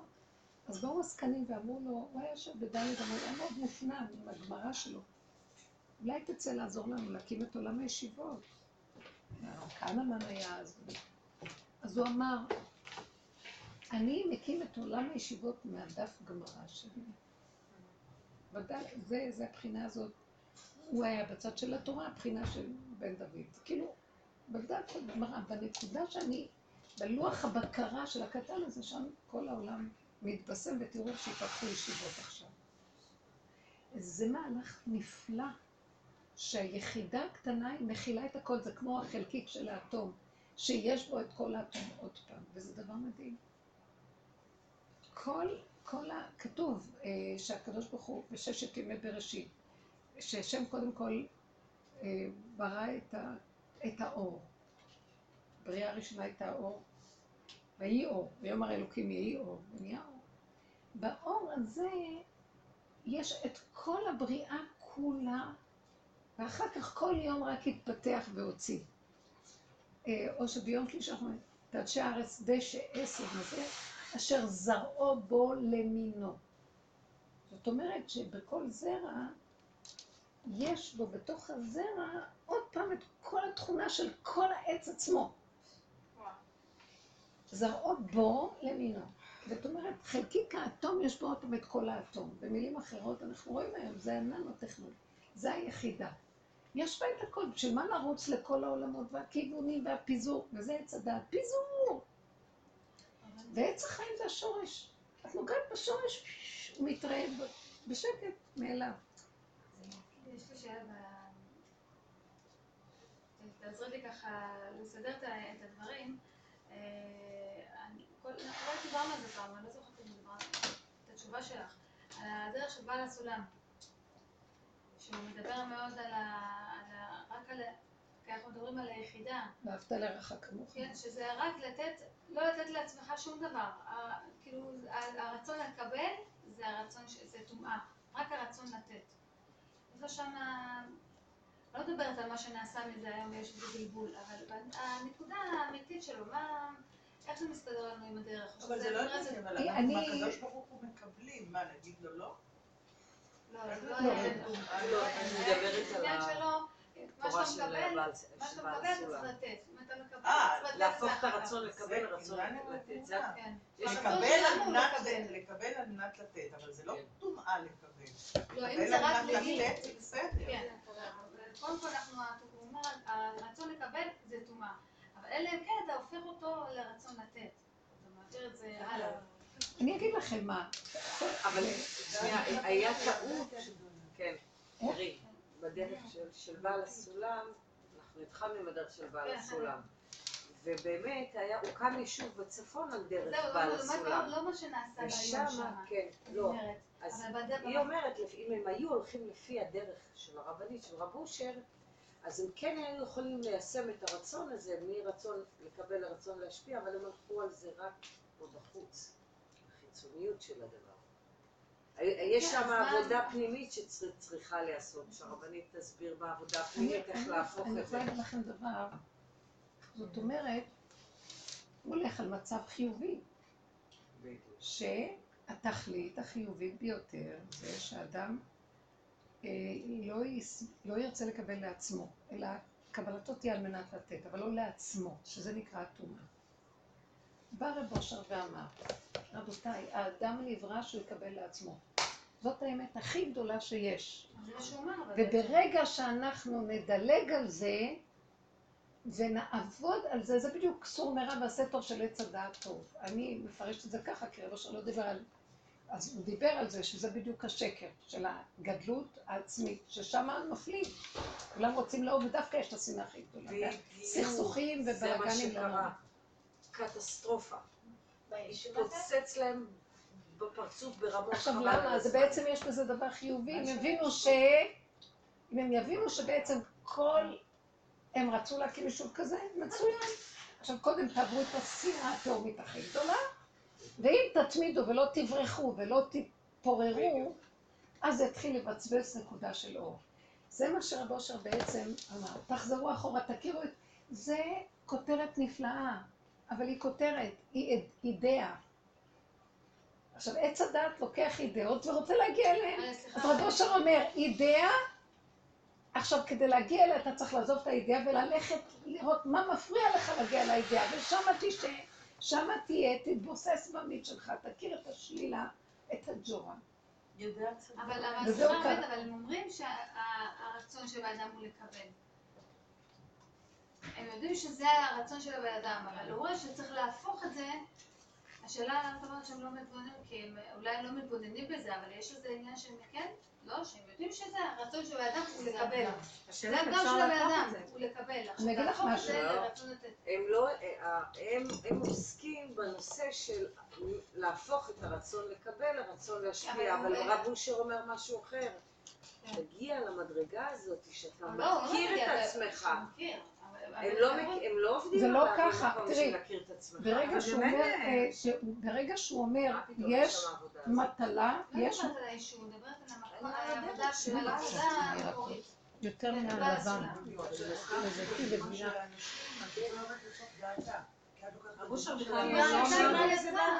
לא. רגע, אבל הוא לא אנחנו שהמטרה להיות אבל רצון לתת. מה זה? לפי רב אושר, אין- אין מטרה לרצות לתת. זה לא, הבעל הסולם אומר להפוך בין הרצון לקבל, כאילו התקפיה, להפוך אותנו לרצון לתת. אין עניין, אבל זה אי אפשר. חסד, כולו יבין נכון, גם מפנה חסד. נכון, אבל הדרך שלו היא זה לא. לא, אבל צריך להבין, רב אושר בסוף אמר, אם- אם- אם אני- אם אני בראתי את יד עזרא, אם אני בניתי את יד עזרא, שישרף כל יד עזרא, כי אני לא עשיתי כלום. זאת אומרת, אני רוצה רגע להגיד איזה דבר יסודי. יש...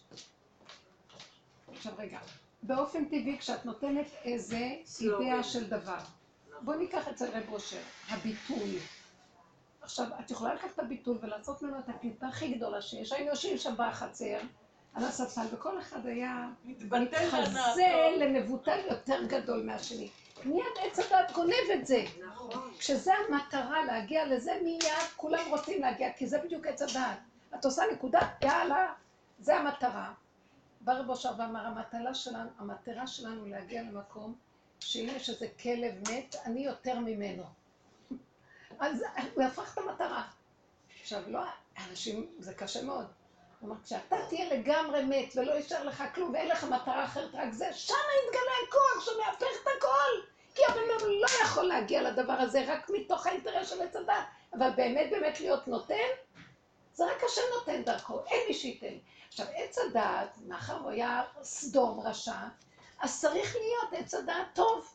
צריכים להיות בעלי חסד ונתינה ועשייה, וכולם למדו מאברהם אבינו, לא, זה לא היה. דמיון, זה היה אותו, זה היה תהליך של אז, זה לא היה דמיון אז. שהיה את כל העניין של סדום, אז אברהם אבינו לא היה, הוא לא, היה שם תהליך שהיה צריך לעבור. היה חייב לעבור את המהלך הזה מפה לפה. עכשיו אנחנו מדברים על סוף הדורות ותהליך היחידה. מה אומר רב אושר? אתם רוצים לסיים את כל עץ הדת הזה, שהוא הגנב הגדול, ובעצם מה שלא נעשה, הכל נגנב פה. כולל כל התורה, כולל הכל, בסוף זה ייראה, כולם יראו, אפילו גדולים, זה כבר נראה מפחיד מה שקורה. אז אתם יודעים מה צריך לעשות? צריך לעשות בדיוק תשובה. יבוא אל הנביא, ללמד אותנו לעשות רוורס. חפשי את השלילה שלך, לא את החיובי שלך. לא איך אני אהפוך את השלילה לחיוב, ואני אהיה מהנותנים ולא מהמקבלים לעצמו. אלא שאני אראה, אני מהנותנים, אין אחד שייתן בלי איזה אינטרס גנוב. לא יהיה, אין אדם שעושה לשמה. אין מציאות כזאת, רבותיי, אין. עכשיו, אדם שאומר את האמת, הוא מתחיל לתת באמת. לפחות הוא יודע את האמת. הוא הכי מתקרב לאמת, הוא בהתחלה, הוא מודה על האמת. מודה ועוזב ירוחם. כן, זה אבל גם הוא אם הוא לא נותן, זה בסדר, העיקר שבנקודת האמת. הוא, יתחיל להתוודות, הוא הוא. מתוודה ואומר, אני יכול לתת, הלא אני נותן כדי לקבל לעצמי כבוד, אז אני נותן על מנת של משהו, אין כזה דבר לתת לו כלום. אז אם כן, איזה נתינה זאת, ואז הוא מתחיל לצחוק, ואז הוא מתחיל גם להפסיק לרוץ לתת. כי הוא רואה שהנתינה שלו זה גניבה אחת גדולה, ואז הוא יושב ומתוודה. עכשיו, אפילו אם איש של חסד מתחיל להיות לו צמצום מהטבע שלו, כי הטבע התרחב לו והוא נותן. ואדם כזה מתחיל להודות באמת ולהצטמצם ולהגיע לנקודה, ואז רב אושר אמר, עד שלא נגיע להכיר שאין דבר יותר גרוע מאיתנו בעולם, ולהישאר שם, לא להרים משם את הראש, רק לקבל, בלי שיוורון, גם מטלה על מטלה, הגעת לשם, ישר האגו מתפוצץ לך, אני רע, אני גרוע, טוב, השני לא גרוע, טוב, אבל זה אני. כמו שהשני לא גרוע בעיניי כבר, ואין לי מה לבקר אותו ולשפוט אותו ולדון אותו, אותו דבר גם אני. אז אני דפוק ככה, וזה האני. אנחנו צריכים להבדיל את האני, ואין לנו טענה ומענה על כלום, כי זה, כל התוכנה הזאת דפוקה, מעוות, לא יוכל לתקון, אין מה לתקן אותה, אין מה לעשות. גמרנו, אין, אין, היא, אין לה תיקון, את יכולה לתקן תוכנה, את יכולה לה- להוציא אותה ולהכניס תוכנה אחרת, זו, היא בנויה ככה. אז עכשיו המהלך הבא, תשארי עד הקצה ותראי, וואי וואי וואי, התוכנה הזאת, תוציא אותה. נשארתי איזה מחשב חלול שעושה פששש, תוהו ובוהו. אני מרגישה איתך תוהו ובוהו. מחשבות נופלות, אין כוח לכלום. תכונות שקיימות בי, ואז אני אומרת, התכונות האלה זה הבסיס שהוא יכול להיכנס ולפעול דרכן, כל אחד כפי תכונתו. אחד כזה עושה פעולה קטנה, והשם דרכו עושה. רק השם יכול לעשות לשמה. לשם השם זה רק הוא יכול לעשות לעצמו. הוא אומר, מדוע באתי ואיני איש, אם כן למעני למעני אעשה. זה השם הוא זה שעושה, אף אחד לא עושה כאן באמת כלום. אם כן, הרעיון של בעל הסולם הוא רעיון גדול, אבל זה לא הבן אדם יכול להגיע לזה. אולי הוא דילג על התהליך ש, של לומר הבן אדם לא יכול, ואז אם יוצא לו משהו זה רק השם יכול. אז הוא בנה יישוב על תשתית שהבני אדם יהיו יכולים, בסוף הם יצטרכו ליפול לתוך מצב מאוד מאוד קשה של סכסוך ושלילה מאוד גדולה. ואז הדרך הזאת כבר נכנסת שם, מדבר שם, איך קוראים לו? אשרוב גם מדבר על האמת הזאת וזה. כולם עכשיו מתחילים לדבר אותה. אז לאט לאט לתוך כל זה ייכנס זה, ויש שם איזה מין, ייכנס השם שיאחד בין ההפכים. אי אפשר לבן אדם לאחד, לאחד הפוך. הוא רצה לקבל. ראיתי תינוק שרוצה לתת משהו, הבן אדם התחנך מעץ הדת לתת, כי זה לא יפה, יש מוסר, יש לנו תורה שאומרת, באמת באמת, ואהבת לרעך כמוך. כמו שאתה אוהב את עצמך, אתה צריך לאהוב את רעך. הגענו למקום, בכלל אנחנו לא יודעים שאנחנו אוהבים רק את עצמנו. תגיע לשם, תודה בזה, תישאר שם, ותראה שדרכך תהיה נונסטופ נתינה, כמו הנתינה שאת. זאת אומרת, ראית, את הולכת לסדר לו עוגה, אם הרחמניה רוצה לתת לו, הוא נמצא במקום שכל כך רחם עליו, ורוצה לשמח את ליבו. נסגרו עליה הדלתות, והיא שמה לב לזה, כי בדרך, אה, כי ראתה, אה, את הולכת, אה? עוד פעם את שמה רגל לעצמך. היא זזה אחורה, יש מי שייכנס, יסדר ויעשה. עכשיו תגידי, יעלה על דעתך לחשוב שאת עשית את זה? איך אפשר שהבן אדם אחרי כל זה יגיד, אני עשיתי? הייתה לי מחשבה נכונה. אז, אה, אז אין דבר, הקדוש ברוך הוא צירף את המחשבה למעשה. לא. כשנתתי לו את זה, הוא נכנס והוא עשה, וזה שלו וממך, משלך, מידיך נתנו לך. ואין לי כלום מצד עצמי. זה מה שהרבוש רצה, שנישאר במקום הזה שאנחנו, אפילו כלב מת לו. הוא היה אומר על הפירוש הזה של אה, קהלת, כי טוב לכלב החי מן האריה המת. קהלת אומר, שיותר טוב שהכלב חי, מה שהאריה מת, האריה מת, אז מה? יותר טוב שיהיה כלב חי. אז רבו שר היה אומר, זה שמחשיב את עצמו פחות מכלב מת, הוא-הוא האריה החי. זאת אומרת, דרכו חי אריה, השם חי דרכו ומפעיל את העולם. והבן אדם לא יעלה על דעתו רגע שזהו. זה השפלות שדוד המלך הגיע אליה. וזה נקרא משיח, שהוא לא חושב שהוא בכלל כלום. כמו משה רבנו, ואנחנו מה בכלל. כי לא יעלה על הדעת שזה אני, מה אני כן, נתתי את הפגם שלי, השם. הוא לקח אותו, ועשה מהפך. מאבן, מה עשו הבנים, הייתה לראש פינה. מהלכלוך הוא עשה אוכל. אני יכול לעשות דבר אחד. והבן אדם כל הזמן גונן. לכן לקראת הסוף שהייתי באה לרבו של למה, בשביל מה לעשות? הייתי שואלת בשביל מה לעשות? למה לעשות? כאילו, ראיתי ואמרתי, אה, הוא זקן, אחר כך, אני היום קולטת, בשביל מה? בשביל מה? הלוא במילא הכל יגנב. אבל יש כאן פעולות שצריכות להיעשות. אז אני עושה, אני אומרת לו, אבא זה שלך. אז אני, הנה הידיים והרגליים. איך אני אדע שהאני שלי נכנס? אם אני מתחילה עם הלחץ, הכפייתיות, הסערה הרגשית, אז אני יודעת שהאני שלי גודל. וכשאני רואה משהו מתנגד, צריך להיות דקים. אני כל כך חדשה ועייפה, אני כל כך מפחדת מהמכות, זה הסוף של התהליך, שדבר קטן שלא הולך, אומרת, טוב, טוב, לא שווה לי כל הלחץ של האני שלי והרצון שלי. אם ילך, ילך, ואם לא, זה שלך, כמו שאת אמרת, אני לא מוכנה, אין לי כוח למכות, אני רואה שדברים נעשים. זה, זה עולם שלו. איך הוא שלח לי את הרצון לעוגה, זה לא שלי אפילו, אני עוד חושבת שהרצון שלי, אבל הפעולה בסוף הייתה של השם. גם את הרצון הזה הוא שלח לי. אז חפצו קשורה ביכולתו, אם אתה חפץ, תוציא את זה לפועל אתה גם, אז אל תפריעי לי. את רק הצינור שדרכך זה עובר מהמחשבה למעשה, סוף מעשה במחשבה תחילה. שימו לב לתודעה של האדם מה עושה. אני ואני, הוא חושב, הוא גם זה, ואז הוא מתבלבל, ואז הוא רוצה, ואז הוא רץ, ואז הוא נתקל, ואז הוא כאוב, ואז הוא שבור. השם יעזור לנו, אני חייבת לתפוס, כן, אני חייבת לתפוס את האוטובוס, לא יש לי עוד המהלך שלנו צריך להיות יותר בנקודה של ללמד את עצמנו להיות קטנים. אז זה נראה כאילו שאנחנו לאט לאט נתחיל לעזוב את היזמות של העולם, ולא יהיה כאן אה, התפתחות, ואנשים לא יעשו ולא יפעלו ולא זה, זה מתחיל להיכנס לשבת. האמת שכבר יותר מדי עשו. מה יש עוד לעשות פה? שמתם לב? המקום היחיד שמעורב בי את הכליאה זה בניגונים. כל כך הרבה ניגונים המציאו עם הצלילים, ופתאום בא מישהו וממציא עוד ניגון. חדש, עוד ניגון.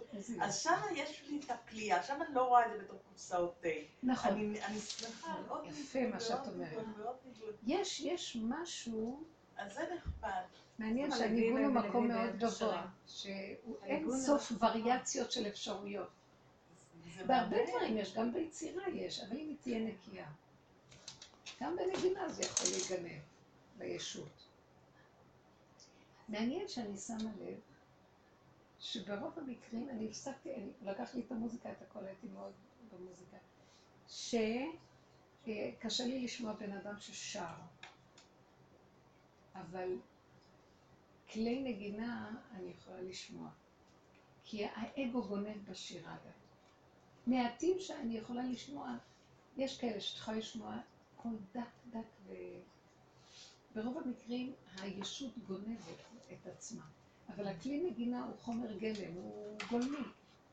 יש משהו בנגינה בלי קול שהיא יותר אה, נקייה. אור הבן שלי הולך ללמוד אה, לשיר, והוא שר במאוד שקט. אז המורה רוצה שהוא ישיר יותר מזה, אז דמיין לעצמך שאתה חזק, ואתה שר מול אנשים. אח- אחרי זה אני שואלת את האוכל צהריים, נו, דמיינת שאתה חזן ושר מול אנשים? אז הוא אומר, דמיינתי, אבל מה, מה דמיינתי? הוא אומר, דמיינתי שאני שר בפני חיות מצוירות. נכון, הוא לא היה צריך את האנשים. והחיות המצוירות עשו לו את ההרגשה. חמוד, חיות מצוירות. שלי. המשפט ש... השם אומר ש... נשמע לא, נשמע זה לא, איך אמרת? לא, אבל זה... רק השם יכול שלא לעשות. לשם. אין אף אחד שיכול לעשות לשם שמיים. אחרי התוכנה של עץ הדת, מאז שאנחנו... זה אי אפשר לעשות לשם שמיים, זה לשם לא מטרה. איך? ואז אמרת ציטוט גם. ציטוט. אמרתי ציטוט פה? משלך ומידיך נתנו לך. כן. שבסוף אנחנו עושים, הוא עושה דרכנו, והוא מעצמו נותן לעצמו דרכנו. כי אנחנו הקופסה של בראת לכבודו. וזה התהליך האמיתי. במקסימום של האגו, אני רוצה לאמן את עצמי לבחור שהכל שלו וכלום לא שלי. במקום לבחור שאני חיובי מול האני השלילי. אז יותר טוב לי לפחד מהאני החיובי שלי גם, שזה... ולרוץ, למסור לו גם את זה ולהגיד לו, אני בוחר שזה תהיה אתה ולא אני, כי אני אהרוס לך את העולם. בטעות, במקרה יצא לי לדבר, אה, הייתה לי לטלפון בחורה צעירה לפני, יוצאת לשידוכים, היא כל כך במתח ובלחץ ובסטרס וב... אמרתי לה, תקשיבי, תגידי להשם, תראי, בכל מקרה, השם הוא זה שמזלג את הסיבובים. תרצי או לא תרצי. אז תגידי להשם, השם, אם אתה משאיר את זה בשבילי, זה עלול להיגמר באסון. תעשה את זה אתה. אני אשב שם, אתה תעשה את זה.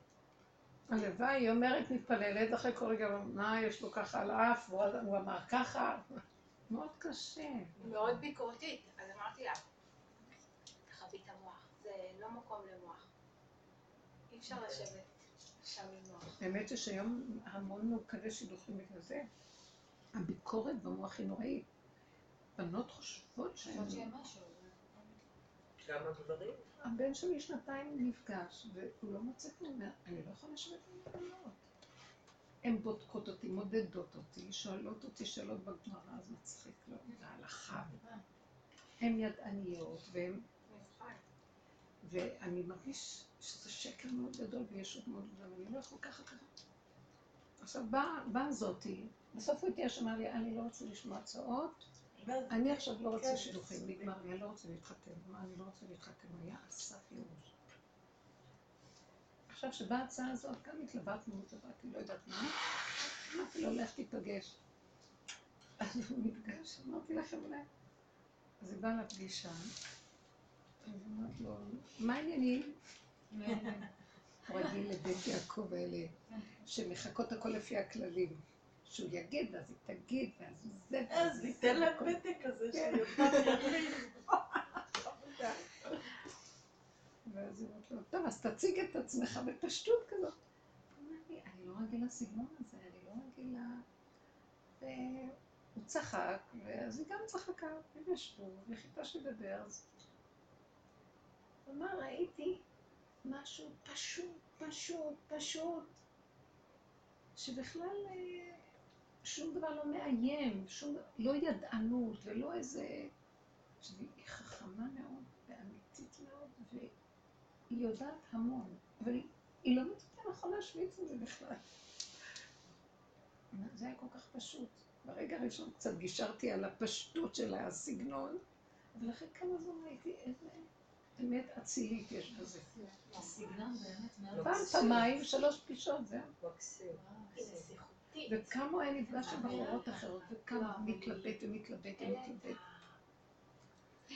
מסכן, הוא אמר לי, אמא, אני כבר לא יכולה לאכול, אני הולך להתפוצץ, אני משחק אותה, אני רוצה להציג את עצמי, כאילו, מי את בכלל לא מעוניין, כבר לא רוצה את הכי.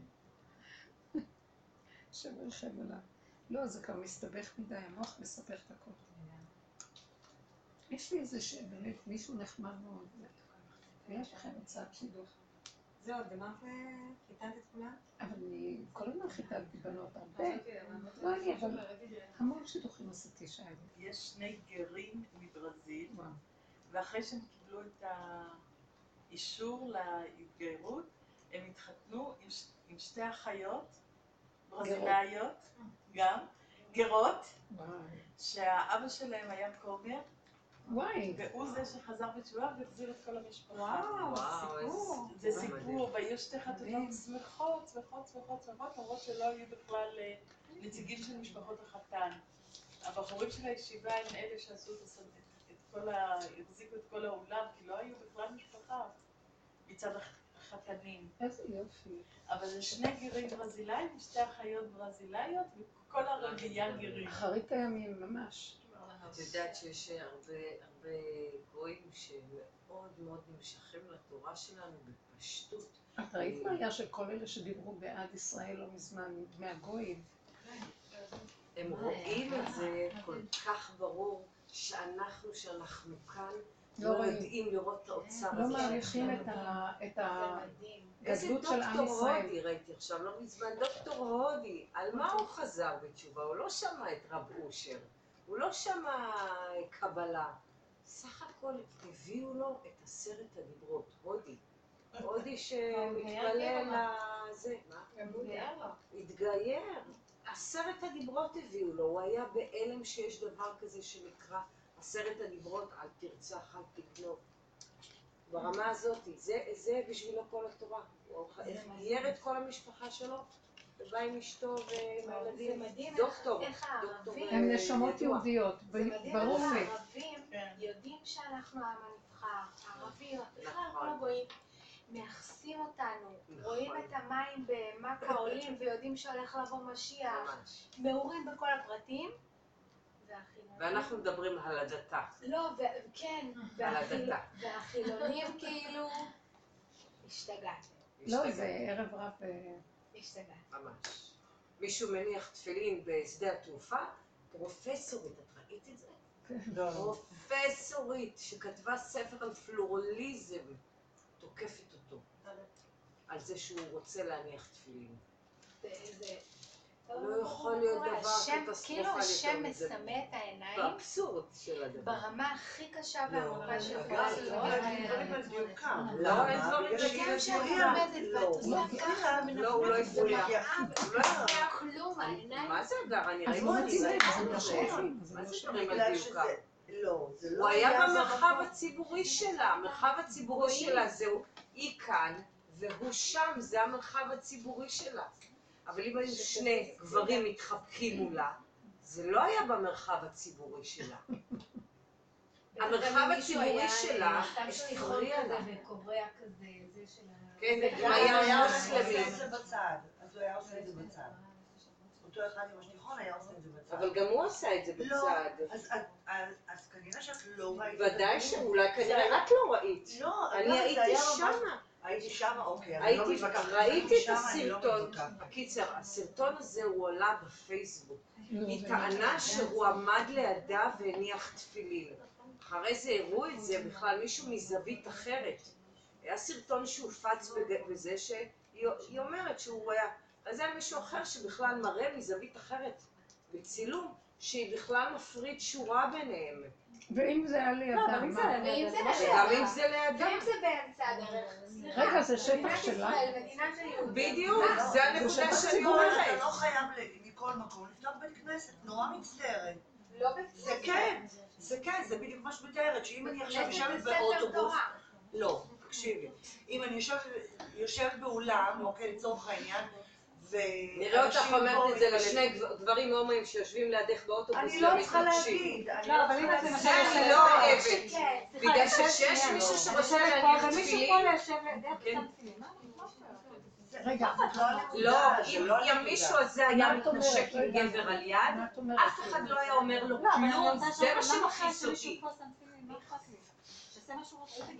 הניגוד הראשון שהיה, זה היה אם היה מוסלמי עכשיו שם שטיחון, האם מישהו היה אומר לו משהו. אז למה? לא בדיוק. הרעיון הוא שאני לא מתנגד לאחר, וההתנגדות שלנו, כשמישהו אחר מעיר למישהו, אז כולנו בהתקוממות. אז מכאן באה התוצאה של אחד לא מקבל את השני. גם אתה כדתי לא תקבל את החילוני, וגם החילוני לא מקבל אותך. לא? זה לא נכון. זה לא נכון. זה לא חילוני. נכון. את יודעת למה זה לא נכון? בגלל שאותו חב"דניק ספציפי שתק. אמר לו לבחור, אל תענה לה. אל תענה. ההוא בכלל בא אליו, הוא חב"דניק, שרוצה לעלות לטיסה, בא אליו בן אדם, אומר לו, אני רוצה להניח תפילין. בכלל לא היה הוא לא? מה- קשור אליך? את- מכירה. לא היה, מה. פתאום? הוא לא. עמד בדוכן. אבל בכלל זה בדיוק בן מה אדם. שהיא ביקשה ממנו, שהוא ילך ליד הדוכן, ולא, אם היית רוא- רואה... אבל את בן זה- אדם מתפלל, איזה סיטואציה, על מה את מדברת? מה אני שבוע אומרת. יש פה נקודה מאוד מה זה? אגואיסטית? של האדם החילוני הנאור.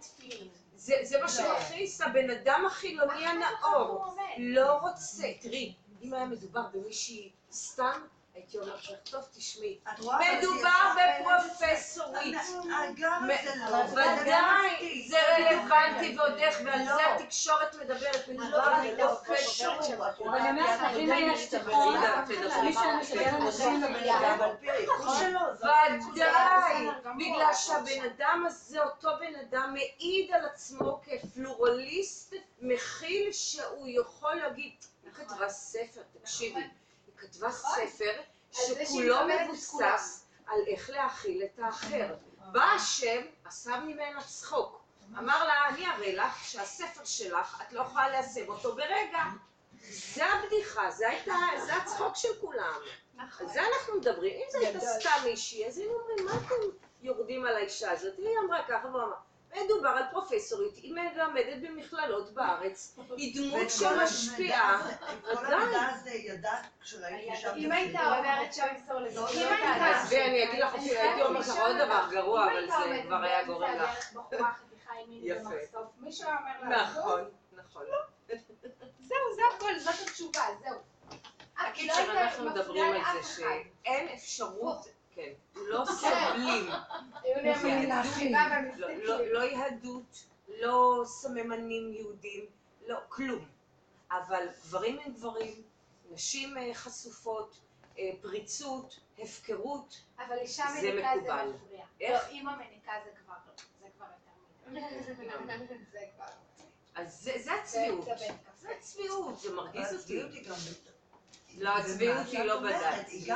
ממש לא. בוודאי שכן. לא, הבן אדם לא- לא הנאור הוא. כל כך נאור.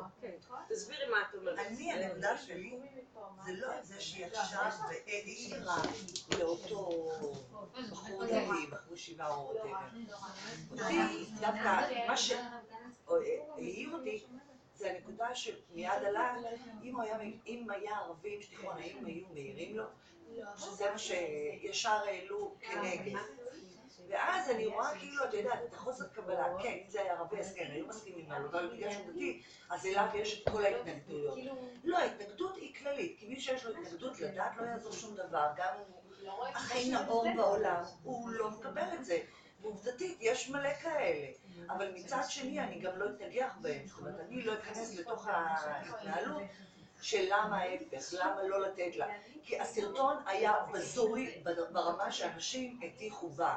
זאת אומרת, זה באמת, היא תיארה פה מקרה שהיה בשדה התעופה, ואנשים הטיחו בה, באמת, ביזיונות שאין כדוגמתם. הם צעקו עליה וביזו. כי- לא, זה מה שאמרת, זה לא הם בסדר. קיללו. זה לא היה בסדר. השאלה אם מה שהיא. עשתה זה גם. הרבנית הזאת את יודעת, אומרת לאדם זה הדתי לא הזה, ללכת, את יודעת, לך איפה שיש בני. אדם. לא היא אומרת לו, לך איפה. שיש בני אדם. אה, אה, אה, לא, היא אומרת לו, לך, פה יש בני אדם, מה אתה. מתפלל פה? יש פה בני אדם. כשאתה מצלם סרטון, אתה מצלם אותו מהנקודה שמתאימה לך. לא מנקודת. ההתחלה, כי אנחנו לא יודעים מהי מבינה, נקודת זה לא ההתחלה, מישהי, שכאן באה להיות השיפוטיות האישית שלנו. זה מרגיז אותי.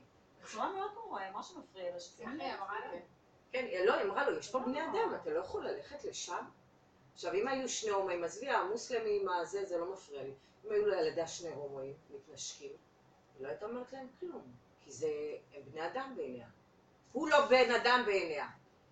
יש פה משהו עמוק יותר מעבר למרחב הציבורי. אולי לפי הדרך את שלה. יודעת, ויש פה אפילו הפוך על. הפוך. כי בגלל שהיא פרופסורית והכל, לא היא חושבת שאפילו זה לא, לא, אז לא, את לא. כן, ספרים. אז לא היא האמנת. חושבת שאפילו יש מה זה ירדו עליה? היא לא... ערכית למה שהיא אומרת, כי היא מרגישה שיש המון שתומכים בה, אבל זה בדיוק הפוך. זה כאילו הגיע בדיוק לצד השני של זה. מרוב שהיא הסתובבה. הגיעה למקום הנמוך של זה, זה לא זה לא מתאים. לא בדיוק. הפוך, זה ממש לא... אז אני אגיד לא לכם, לפי, פלורליסטי, לפי הדרך, לפי הדרך. כל הסיפור הזה מראה לי, אני נתחתי את זה לפי הדרך שלנו. שזה, היא מסמלת את עץ הדת בשיא הגדלות שלו. כן. שהוא יכול להגיע להתפתחות אה, מאוד מאוד אינטלקטואלית גבוהה, גבוהה, גבוהה, גבוהה, ולרצות בעצם בגובה הזה להיות כמו אלוקים. מה אלוקים? הוא יכול להכיל הכל, אז היא פלורליסטית, כמו שאמרתם. היא יכולה להכיל הכל. זה במוח שלה של עץ הדת. במציאות האמיתית שלה, בדברים שלה. לא רק בתוואים, ככל שהיא במוח הגבוה הזה, ככה היא בשנאה לכל מה שזז, וזה למצב והתנגדויות. ההפוך של מה שהיא כן, אומרת. היא הגיעה בדיוק הפוך. אז עכשיו זה מה שקורה. שעץ הדת מגיע לשיא של הפיצוץ שלו, והניסיון הכי קטן יכול להראות לו מי היא באמת. הדמוקרטיה היא מאוד מסוכנת, כי היא מנסה להגיע למקום הזה, שאפשר להכיל הכל, ואת כולם, מדינת כל אזרחיה, וכל האפשר, וכל מיני. סוגים, וכל מיני... עכשיו תקשיבו רגע. תקשיבו רגע. עץ הדת גונב את הנקודה האלוקית, והוא חושב שהוא יכול להכיל. האלוקות היא היחידה שיכולה להכיל את, את כל ההפכים. עכשיו תראו דרך איך. בזה שהבן אדם יגיד, אני יהודי, אני לא סובל שכאן יהיה הומו לידי ולא יהיה כאן ערבי עם השטיח, זה מדינת יהודים, אני צריך להיות יהודי. הוא מדבר על הפגם. בואו נסתכל על נקודת הפגם. אומר, זה הפגם שלי שאני יהודי. לא יכול, אל תביאו לי את כל העולם לפה, וזה לא מדינת כל אזרחיה, וזה לא, הדמוקרטיה הזאת, יש בה נקודה אחת של אמת, אבל אי אפשר לקחת אותה כפי, כפי שהיא דרך המוח. זה רק השם יכול להגיע לדמוקרטיה הזאת. זאת אומרת, אנחנו לא יכולים להגיע לזה. מה אנחנו כן יכולים להגיד? שאנחנו מדינת היהודים, זהו. מה אתם מביאים לי? אני יהודי ששת אלפים שנה, או בוא נגיד מאז קבלת התורה שלושת אלפים וחמש מאות שנה. הגן היהודי לא יכול לסבול הומוסקסואל לידו. הגן היהודי האמיתי לא יכול לסבול פריצות. הוא לא יכול לסבול שערבי... יכול להיות שעם ערבי קצת יותר קל, כי נכון, אין להם עבודה. זרה. אבל לא את האלימות הטרוריסטית שלהם בשם הקוראן, כי הקוראן לא אומר להיות אלים וטרוריסט. כתוב, אהבה השם שנאו. אז היהודים יכלו לסבול את הקוראן, אבל לא יכלו לסבול את האסלאם הקיצוני, שהוא זז לגמרי מהקוראן ובכלל לא קשור. באמת, זה דברים ידועים שהם בעצמם אומרים, הנאורים שבהם. אז עכשיו, בואו נראה מה אנחנו רוצים להגיד. ברגע שאני מודה שאני לא יכול, ואני מרבית אותי למדינת היהודים, תן לי מדינה יהודית, מה אתה שם לי עכשיו את כולם ורוצה שאני אהיה תחת ממשלה כזאת? תרחם עלינו, נשיא הגלות. באותו רגע שהוא מודה באמת, בא הקדוש ברוך הוא, נכנס בתוכו, דרך הפגם היהודי שלו, כי הוא מודה שהוא לא יכול. כן, הוא, פנה, הוא, הוא, הוא יהודי, כן, הוא יהודי קיצוני, בסדר? בא השם נכנס בתוכו, יכול להיות נקודת מהפך. הנקודה האלוקית בפנים יכולה להזיז הכל, והוא יכול, הוא לא רואה אף אחד בשלילה, נגמר השלילה חיוב. מה הוא רואה? הוא רואה יצור חי לידו.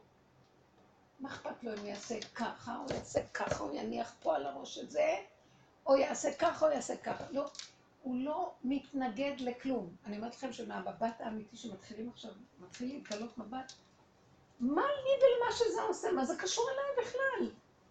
זה לא קשור אליי, זה של השם. בן אדם עושה ככה, זה של השם, עושה ככה, זה של השם, זה של השם, זה לא קשור אליי. זה המבט של משיח.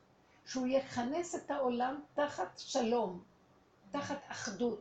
אבל זה לא יהיה המבט היהודי, זה יהיה מבט של האור הגנוז. עכשיו, מבט זה, אני לא יכולה לומר, יכול להיות שהוא יסתכל על הומוסקסואל, ובאותו רגע שהוא מסתכל עליו ומקבל שיש בו נקודה של יצור חי, צלם אלוקי, שהלך לאיבוד, באותו רגע הוא יחזיר את ההוא בתשובה ויעלה מכות.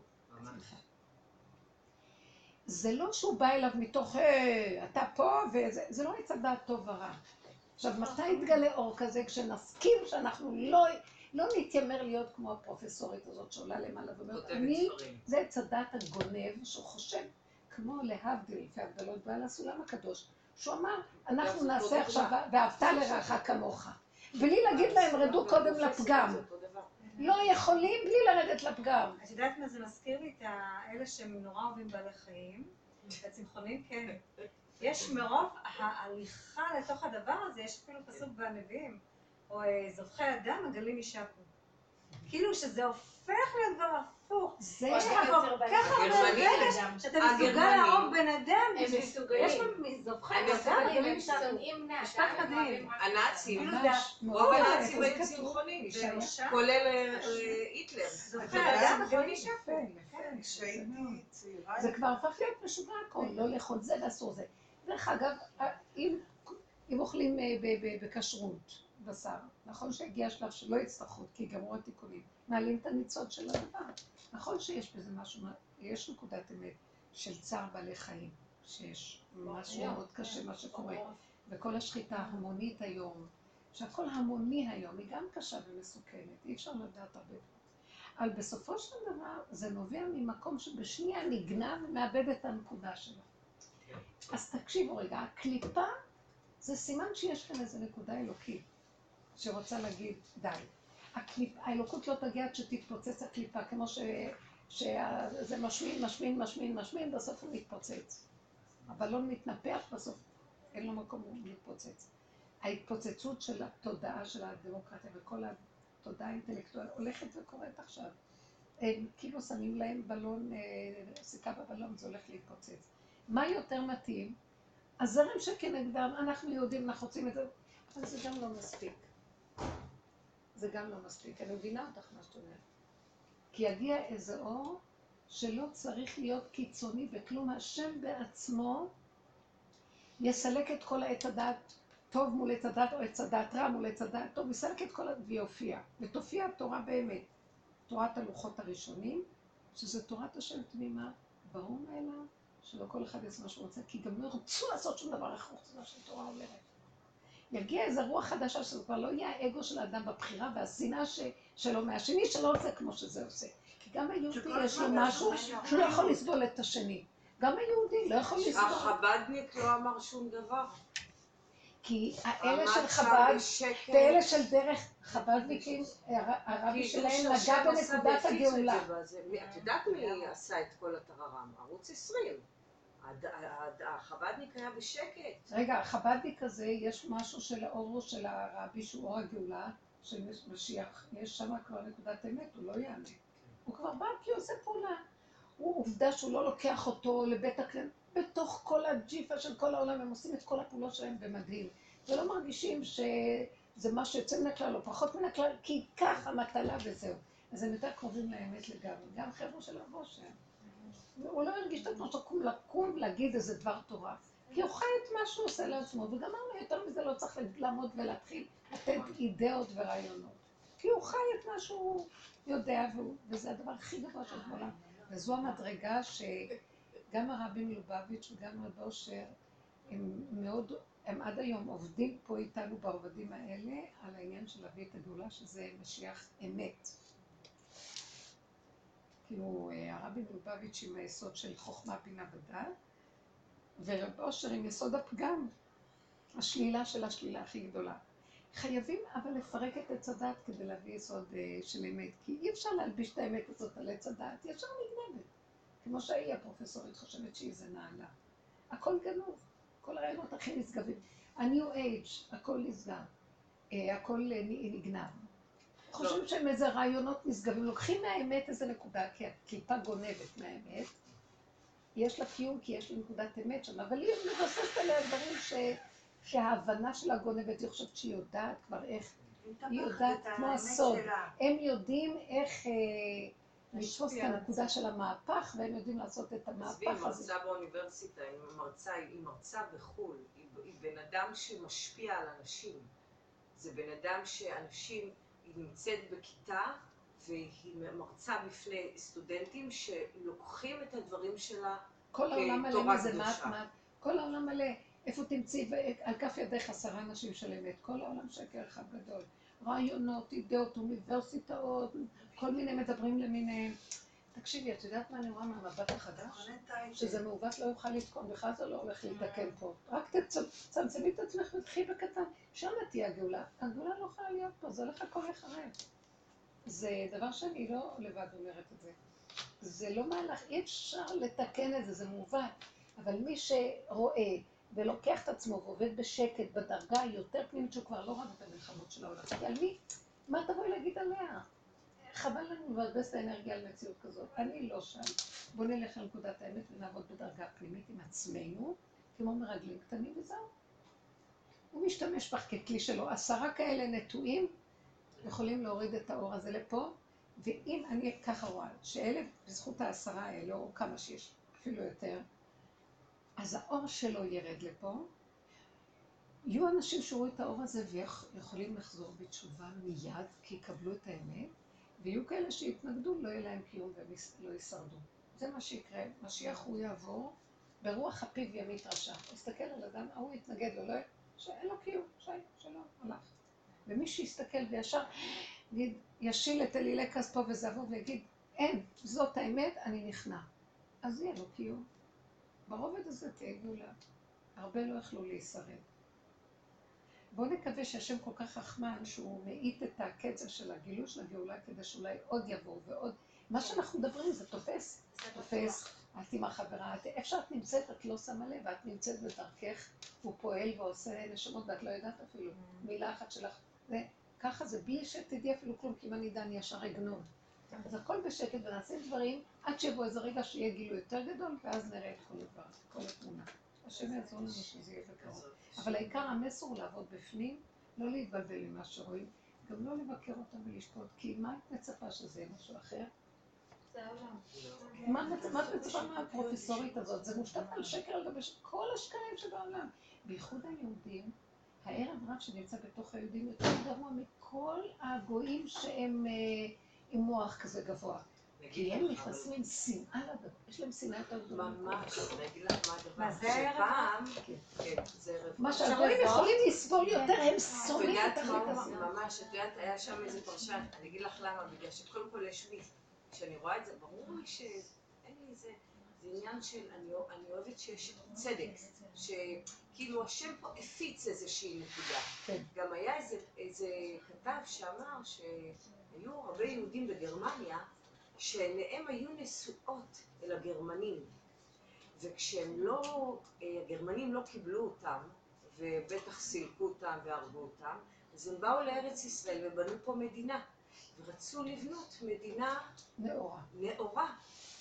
וברגע שבא להם השטייטל, או לא יודעת איך, איך הוא אמר את זה ביידיש, אותו זה, הם הבינו שהלך להם התוכנית. זו הנקודה. כן. זה הערב רב. כן, זה אה, הפלא. העצום שהשם דרך זה כן הסכים שתיבנה המדינה דרך הקליפה הזאת. כן. זה נורא מעניין.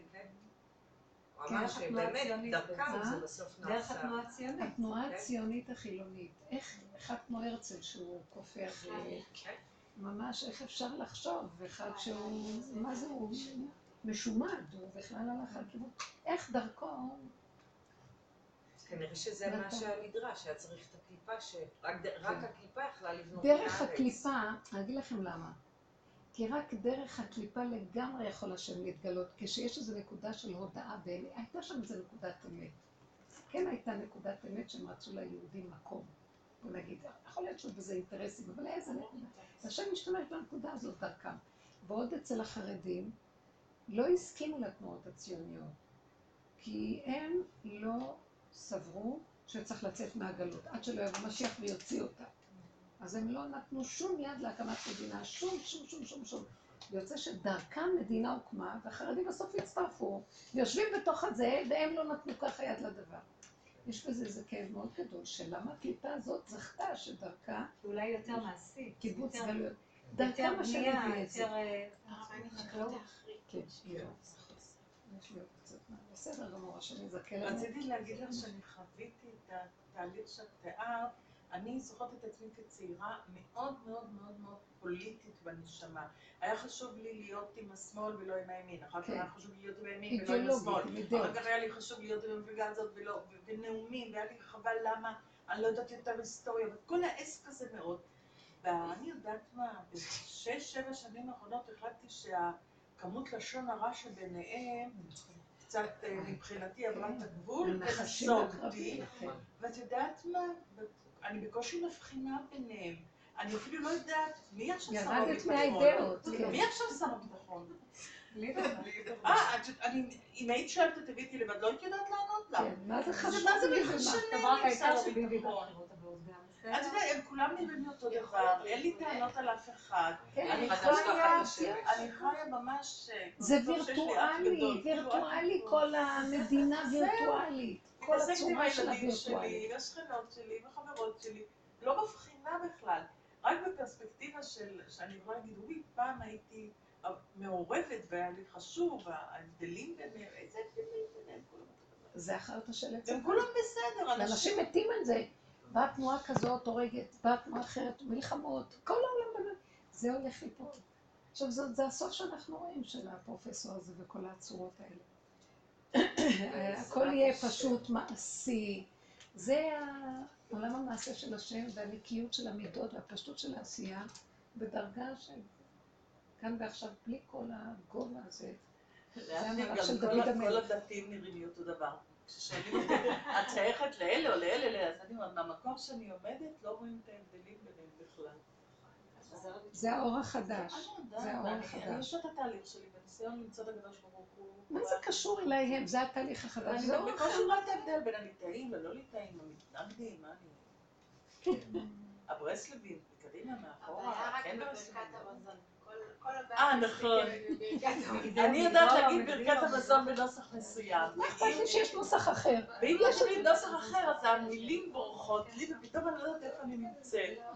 אז כשאני יורדת לחמתה, אני תמיד מחפשת את הסדר שממנו אני יודעת להגיד ברכת מזון. קטן, פשוט, מתאים לי, ושלום על ישראל. לא צריך להרוג אף אחד שמתנגד לי או לא, אני לא קשור.